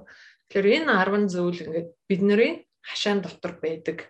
Бидний одоо нөгөө эзэмшиж эзэн болох ёстой тэр 10 зүйл байгаа байхгүй. Тэгэхээр эдгээр 10 зүйлс ингээд зөрчигдөж болно. Мэг хэрэг бид нар ингээд хэлийг зараа тодорхой байлгаагүй болвол бидний сонголт руу хүмүүст айрч болно тий сонголтоо өөрсдийнх нь сонголтыг тулгаж болно гэдэг ч юм уу бидний ингээд тэгэхээр энэ 10 зүйлийг өрдөөсөө ямар байлгах уу гэдг нь бидний хариуцлага л гэсэн үг байхгүй. Тэгэхээр хүн болгон энэ 10 зүйлдээ өөрөө л эзэн болно. Таны дотор байгаа тийм анарын зүрх сэтгэлд байгаа мэдрэмжийн төлөө одоо би эзэн болж хариуцлага хүлээхгүй гэсэн. Тэгэхээр зүрх сэтгэлдээ ямар мэдрэмжийг хил хязгаар гэдэг байгаа маань өөрөө ингээд нөгөө үүд хаалгатай гэж байгаа штэ. Тэр үүд хаалга нь ингээд нэгдэж хаагдах тэр уян хатанд байх хэвээр нэгдэж хаагддаг шалтгаан нь мууг гаргахын тулд аа тийм нэгддэг мууг оруулахгүй байхын тулд хаагддаг байх хэвээр. Сайныг оруулж, сайныг хадгалж байхын тулд онгоож хаагддаг байх хэвээр. Тэгэхээр мэдрэмжийн хувьд ч гэсэн бид нар ингээд сайн мэдрэмжийг бид нар дотроо авах тий хүн одоо тунгаа надад ингээд янз бүрийн юм яриад тэрнээс ингээд надад онцгүй мэдрэмж төрөх юм бол би тэрийг зүр сэтгэлдээ оруулах уугүй гэдэг хариуцлага нь надад байгаа гэсэн үг байхгүй. Тэгэхээр би үүд халгаа нээгээд тэр муухай те сөрөг мэдрэмжийг би зүр сэтгэлдээ оруулах уу гэдэг сонголт надад байна ороод ирцчлээ гэж бодоход яалтчгүй одоо би одоо гомдоод ингээд бүр ингээд хорсол төрөөд байлаа гэхэд тэрийгэ буцаагаад гаргахын тулд тэр хаалга манаас ингээд нэгдэж хаагддаг те байх хэрэгтэй гэж хэлээд байгаа юм. Тийм учраас тэгэхээр мэдрэмжэндээ бид нар эзэн болдгоо. Танд гомдол төрж гин үү? Зэвүүцэл төрж гин үү те? Баяр хөөр төрж гин үү? Одоо ямар л мэдрэмж вэ? Тэр мэдрэмж чинь өөрийн чинь мэдлийн зүйл Тэгэхээр тэр мэдрэмжийг хадгалаад яваад баймаар байна уу? Баймаргүй байна уу? Өөрөөс чинь хамаарч байгаа зүйл. Чи намайг ингээд байна гэд ингээд хүн рүү дайраад байх биш байна шүү дээ. Тэгэхээр тэр мэдрэмжийг авах авахгүйгийнхэн төлөө тэр мэдрэмжийг төрүүлж байгаа хүнтэй хариуцлага тооцоод хэрүүл хийгээд ч юм уу те гомдлын мөр хөөцөлтөд яваад байхаасаа илүүгээр бид нарт бол энэ мэдрэмжийг зүрх сэтгэлдээ оруулах, оруулахгүй хөөж гаргах эсвэл хадгалаад те эндигнаад байгаад ах уу гэдэг тэр эрх нь биднэрт байдгаа л гэсэн үг болж байгаа байхгүй. Аа тэгэхээр энэ яг нөгөө авиас бэлгийн хувьд ч тэр өөрийнхөө авиас бэлгийг юунд зориулах уу те? Муу муухай юмд зориулаад ингээд авиас бэлгээ зарцуулаад явах уу? Эсвэл сайн сайхны төлөө зарцуулаад явах уу? Энэ бидний тэр авиас бэлгийг би ингээд авиас бэлэг гэдэг чинь нөгөө хүний өгөгдөл байхгүй юу ДНХ-д нь байгаа тэр өгөгдлийн нэг байгаад байгаа байхгүй юу. Тэгэхээр энэ бидний дотор байдаг эзэмшилтэй хайр гэж хэлж байгаа. Хайр гэхэд л тийм ээ би одоо хайрыг өөрийнх нь зүрх сэтгэл дотор одоо Библиэлд жишээлбэл тийм ээ хүний зүрх сэтгэл юугаар дүүрэн бай түүгээрээ балхаж ингээд зүрхснээс нь ундарч гарч идэг. Тэгээ хамгийн чухал тэр ундарч гарч явах ёстой зүйл бол бүр ингээд нөгөө шахагддггүй дундардгүйгээр ундарч гарч явах ёстой хүний нийгэм оршин тогтнохын тулд зайлшгүй тэгж явах ёстой зүйл бол хайр байгаа байхгүй. Тэгэхээр айгүй олон зүйлийг ингээ өөрийнх нь төлөө хадгалж хариуцж болох боловч хайр гэдэг юм нь болохоор өртөөсөө өөрийнх нь төлөө болон бусдын төлөө энэ дэлхийн ертөнц эрүүл сарвал сайн сайхан энэ нийгэм энэ цаг үе сайн сайхан байхын тулд хайр гэдэг юм бол бүр айгүй чухал хариуцлага миний хариуцлагад ороогоо эзэмшлийн нэг болчихд. Тэгэхээр хайр нь өөрөө бүр ингээд жоохон хүүхэд байхаас эхэлж те эцэг эхээ хайрлах дүүнрээ хайрлах те ах эгч нараа хайрлах. Тэгээд цаашлаа томроод үе тэнгийнхнийгээ хайрлах үерхэж байгаа залуу найз бүсгүйгээ хайрлах тэр хайр. Энэ бүх юмтай ингээ холбоотой. Тэгэхээр ямар хайр хүртэл нөгөө хор хүнэлтэд байж болдог? Бузар муу байж болдог тийм ээ. Хайр хүртэл буруу байж болдог. Хайр гэдэг нэрийдлэр бид нар ингээ буруу ташаагаар ойлгож тэ хайрлуулж байгаа, хайрлаж байгаа гэдэг ингээд маш тийм харамсалтай хусын харилцаа үүссэн. Тэгээд нэг нэгээ бүр ингээд шархлуулаад дууссан тийм тохиолдлууд зөндөө байдаг шүү дээ. Тэгэхээр энэ хайр бол ердөөсөө би өөрийнх нь зүрх сэтгэлд байгаа энэ нандин зүйлийг хүнд өгөх вэ гэдэг аа тий хиний хайрыг би зүрх сэтгэлдээ гүн гүнзгээр хүлээж авах вэ гэдэг чинь миний хариуцлагын асуудал болчих. Тэгэхээр эмэгтэйчүүд бол тэр тусмаа ингээд үр хүүхэдтэй ингээд зааж өгөх хэрэгтэй те. Ямар хүний хайрыг бид нар үн цэнтэй эрхэм жинхэнэ хайр гэж хүлээж авч таньж сурах хэрэгтэй юм бэ гэдгийг. Тэгэх юм бол тэр өнгөц худлаа хоёр нүүр эсгсэн скол ингээд эд материал дээр тулгуурласан ч юм уу те ашиг сонирхлын хойноос гүйцэлсэн тийм хайрыг таних боломжтой болж өсөх байхгүй хүүхдүүд маань. Наа тэгэх юм бол наад зах нь одоо бид нарын хийж чадах зүйл энэ хайрын тал дээр нөхрөө хайрлах тэр хайр. Нөхрөө тэр жинхэнэ хайраар ингээд хайрлах юм бол а октод яаж өсөх вэ гэхээр яг тийм хайраар хайрлах нөхрийг хайдаг. Нөхрөө жинхэнэ хайраар хайрлах юм бол нөхөр чинь хариулаад яг тэр жинхэнэ хайрыг ээжд нь өгнө. А тэгэн гут хөвгүүд нь өртөөсөө яг аав шигэ тэгж хайрлах хайранд өөрөө мэдлгүй суралцсан бичдэг. Тэгэл яг л тэгж хайрлах эмгтэйгээ ингээд би бүх тэр жинхэнэ зураг сэтгэлээ хайрыг өөх тэр эмгтэйгээ ингээд том хүн болоод хайдаг залуучууд нь. Тэгэд эргүүлээд хариуд нь яг аавыг нь ээж нь яаж хайрлсан шиг яг тэгж хариу хайр өгөх эмгтэйг ингээд тэр хүүгүүд хайна гэсэн үг. Тэгэхээр энэ өрдөөс ингээд тэр зүрх сэтгэл дотор байгаа хийлгээ згаар дотор байгаа зүйл чинь тунгаад чухал байдагтай адилхан инэрэлт чухлаа гэж хэлээд байгаа чинь тийм учиртай байхгүй. Яг нэг хүн холбоо шиг эргүүлээд ингээд үр хүүхдүүдээ маань хинбэ тэгээд эргүүлээд амьдралдаа юуг те сонгож юуг би болох вэ гэд. А тэгээд нэгэнт энийг ингээд сайн бий болгоцсон цагт эн чинь өөрөө body language те биеийн хэл үг ярианы хэл ингээд бүх тэр хэлээр чинь ойлгомжтойгоор харагдчихэдэг учраас эргэн тойронд байгаа хүмүүс чинь тэрний чинь зөрчгүйгээр хүндлээд ингээ харилцаад эхэлдэг. Тийм ба. Тийм. Тэгэхээр үр хүүхдүүд чинь ч гэсэн а хоорондоо тий нэг нэгнийхэн хилээ згарыг хүндэлдэг ээж аавынхан хүртэл хилээ згарыг хүндэлдэг болоод өсчихнэ. За тэгэл ингээ 10 зүйлийг нь дурдчихлаа. Маш сонирхолтой байлаа. Яриад би би бол ингээлтэй сонсоол суугаад амар байна. Айгуу чухал айгуу чухал чухал зүйлсүүд байлаа. Тэгээ бид нөгөө нөгөө хил зааг те энэ яг энэ сэдв өөрөө юм чухал учраас бүр ингээд хоёр дахь хэсгийг нь ингээд цаг гаргаа дахиад ингээд ярьж байгаа. Тэгээд ярьсан маань ч гэсэн их зүг боллоо гэж би хувьдаа бодож байна. Тэгээд миний хувьд бол айгүй олон зүйлсүүдийг харж байна. Тэгээд яг хоо хил зааг гэл тэгэхээр нэг юм хийсүр юм ингээд нэг амьдралдаа одоо юу гэдэг нь сонсоогүй хүн ингээл гинт оруулж ирэх гээд байгаа юм ерөөсөө ердөөсөө биш байна те. Энэ бол бидний амьдралд ингээд бүр ерөөсөө л хөвлөд байхаас л ингээл бидний амьдралд ингээд холбоотой байсан зүйл байгаа тань. Тэгээ өөрсдөө бид нар мдээгүй.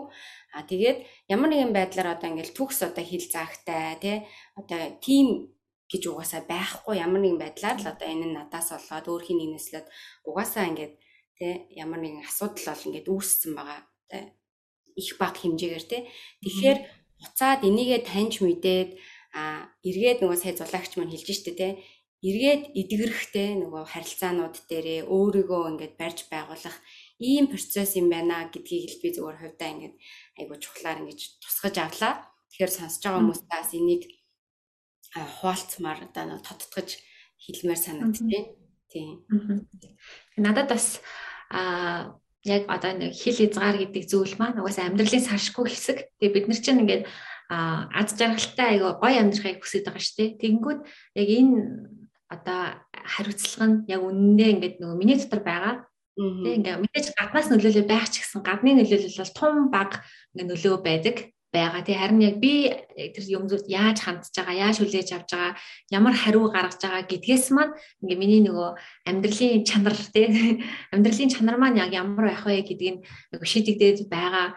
Тэгэхээр нөгөө нэг манай нэг монгол гой зүүр нь ч тий гэрээ байгуулад бишээлээ бие байгуулад гэрээ байгуулад Өши юу гэдэг вэ гэсэн үү?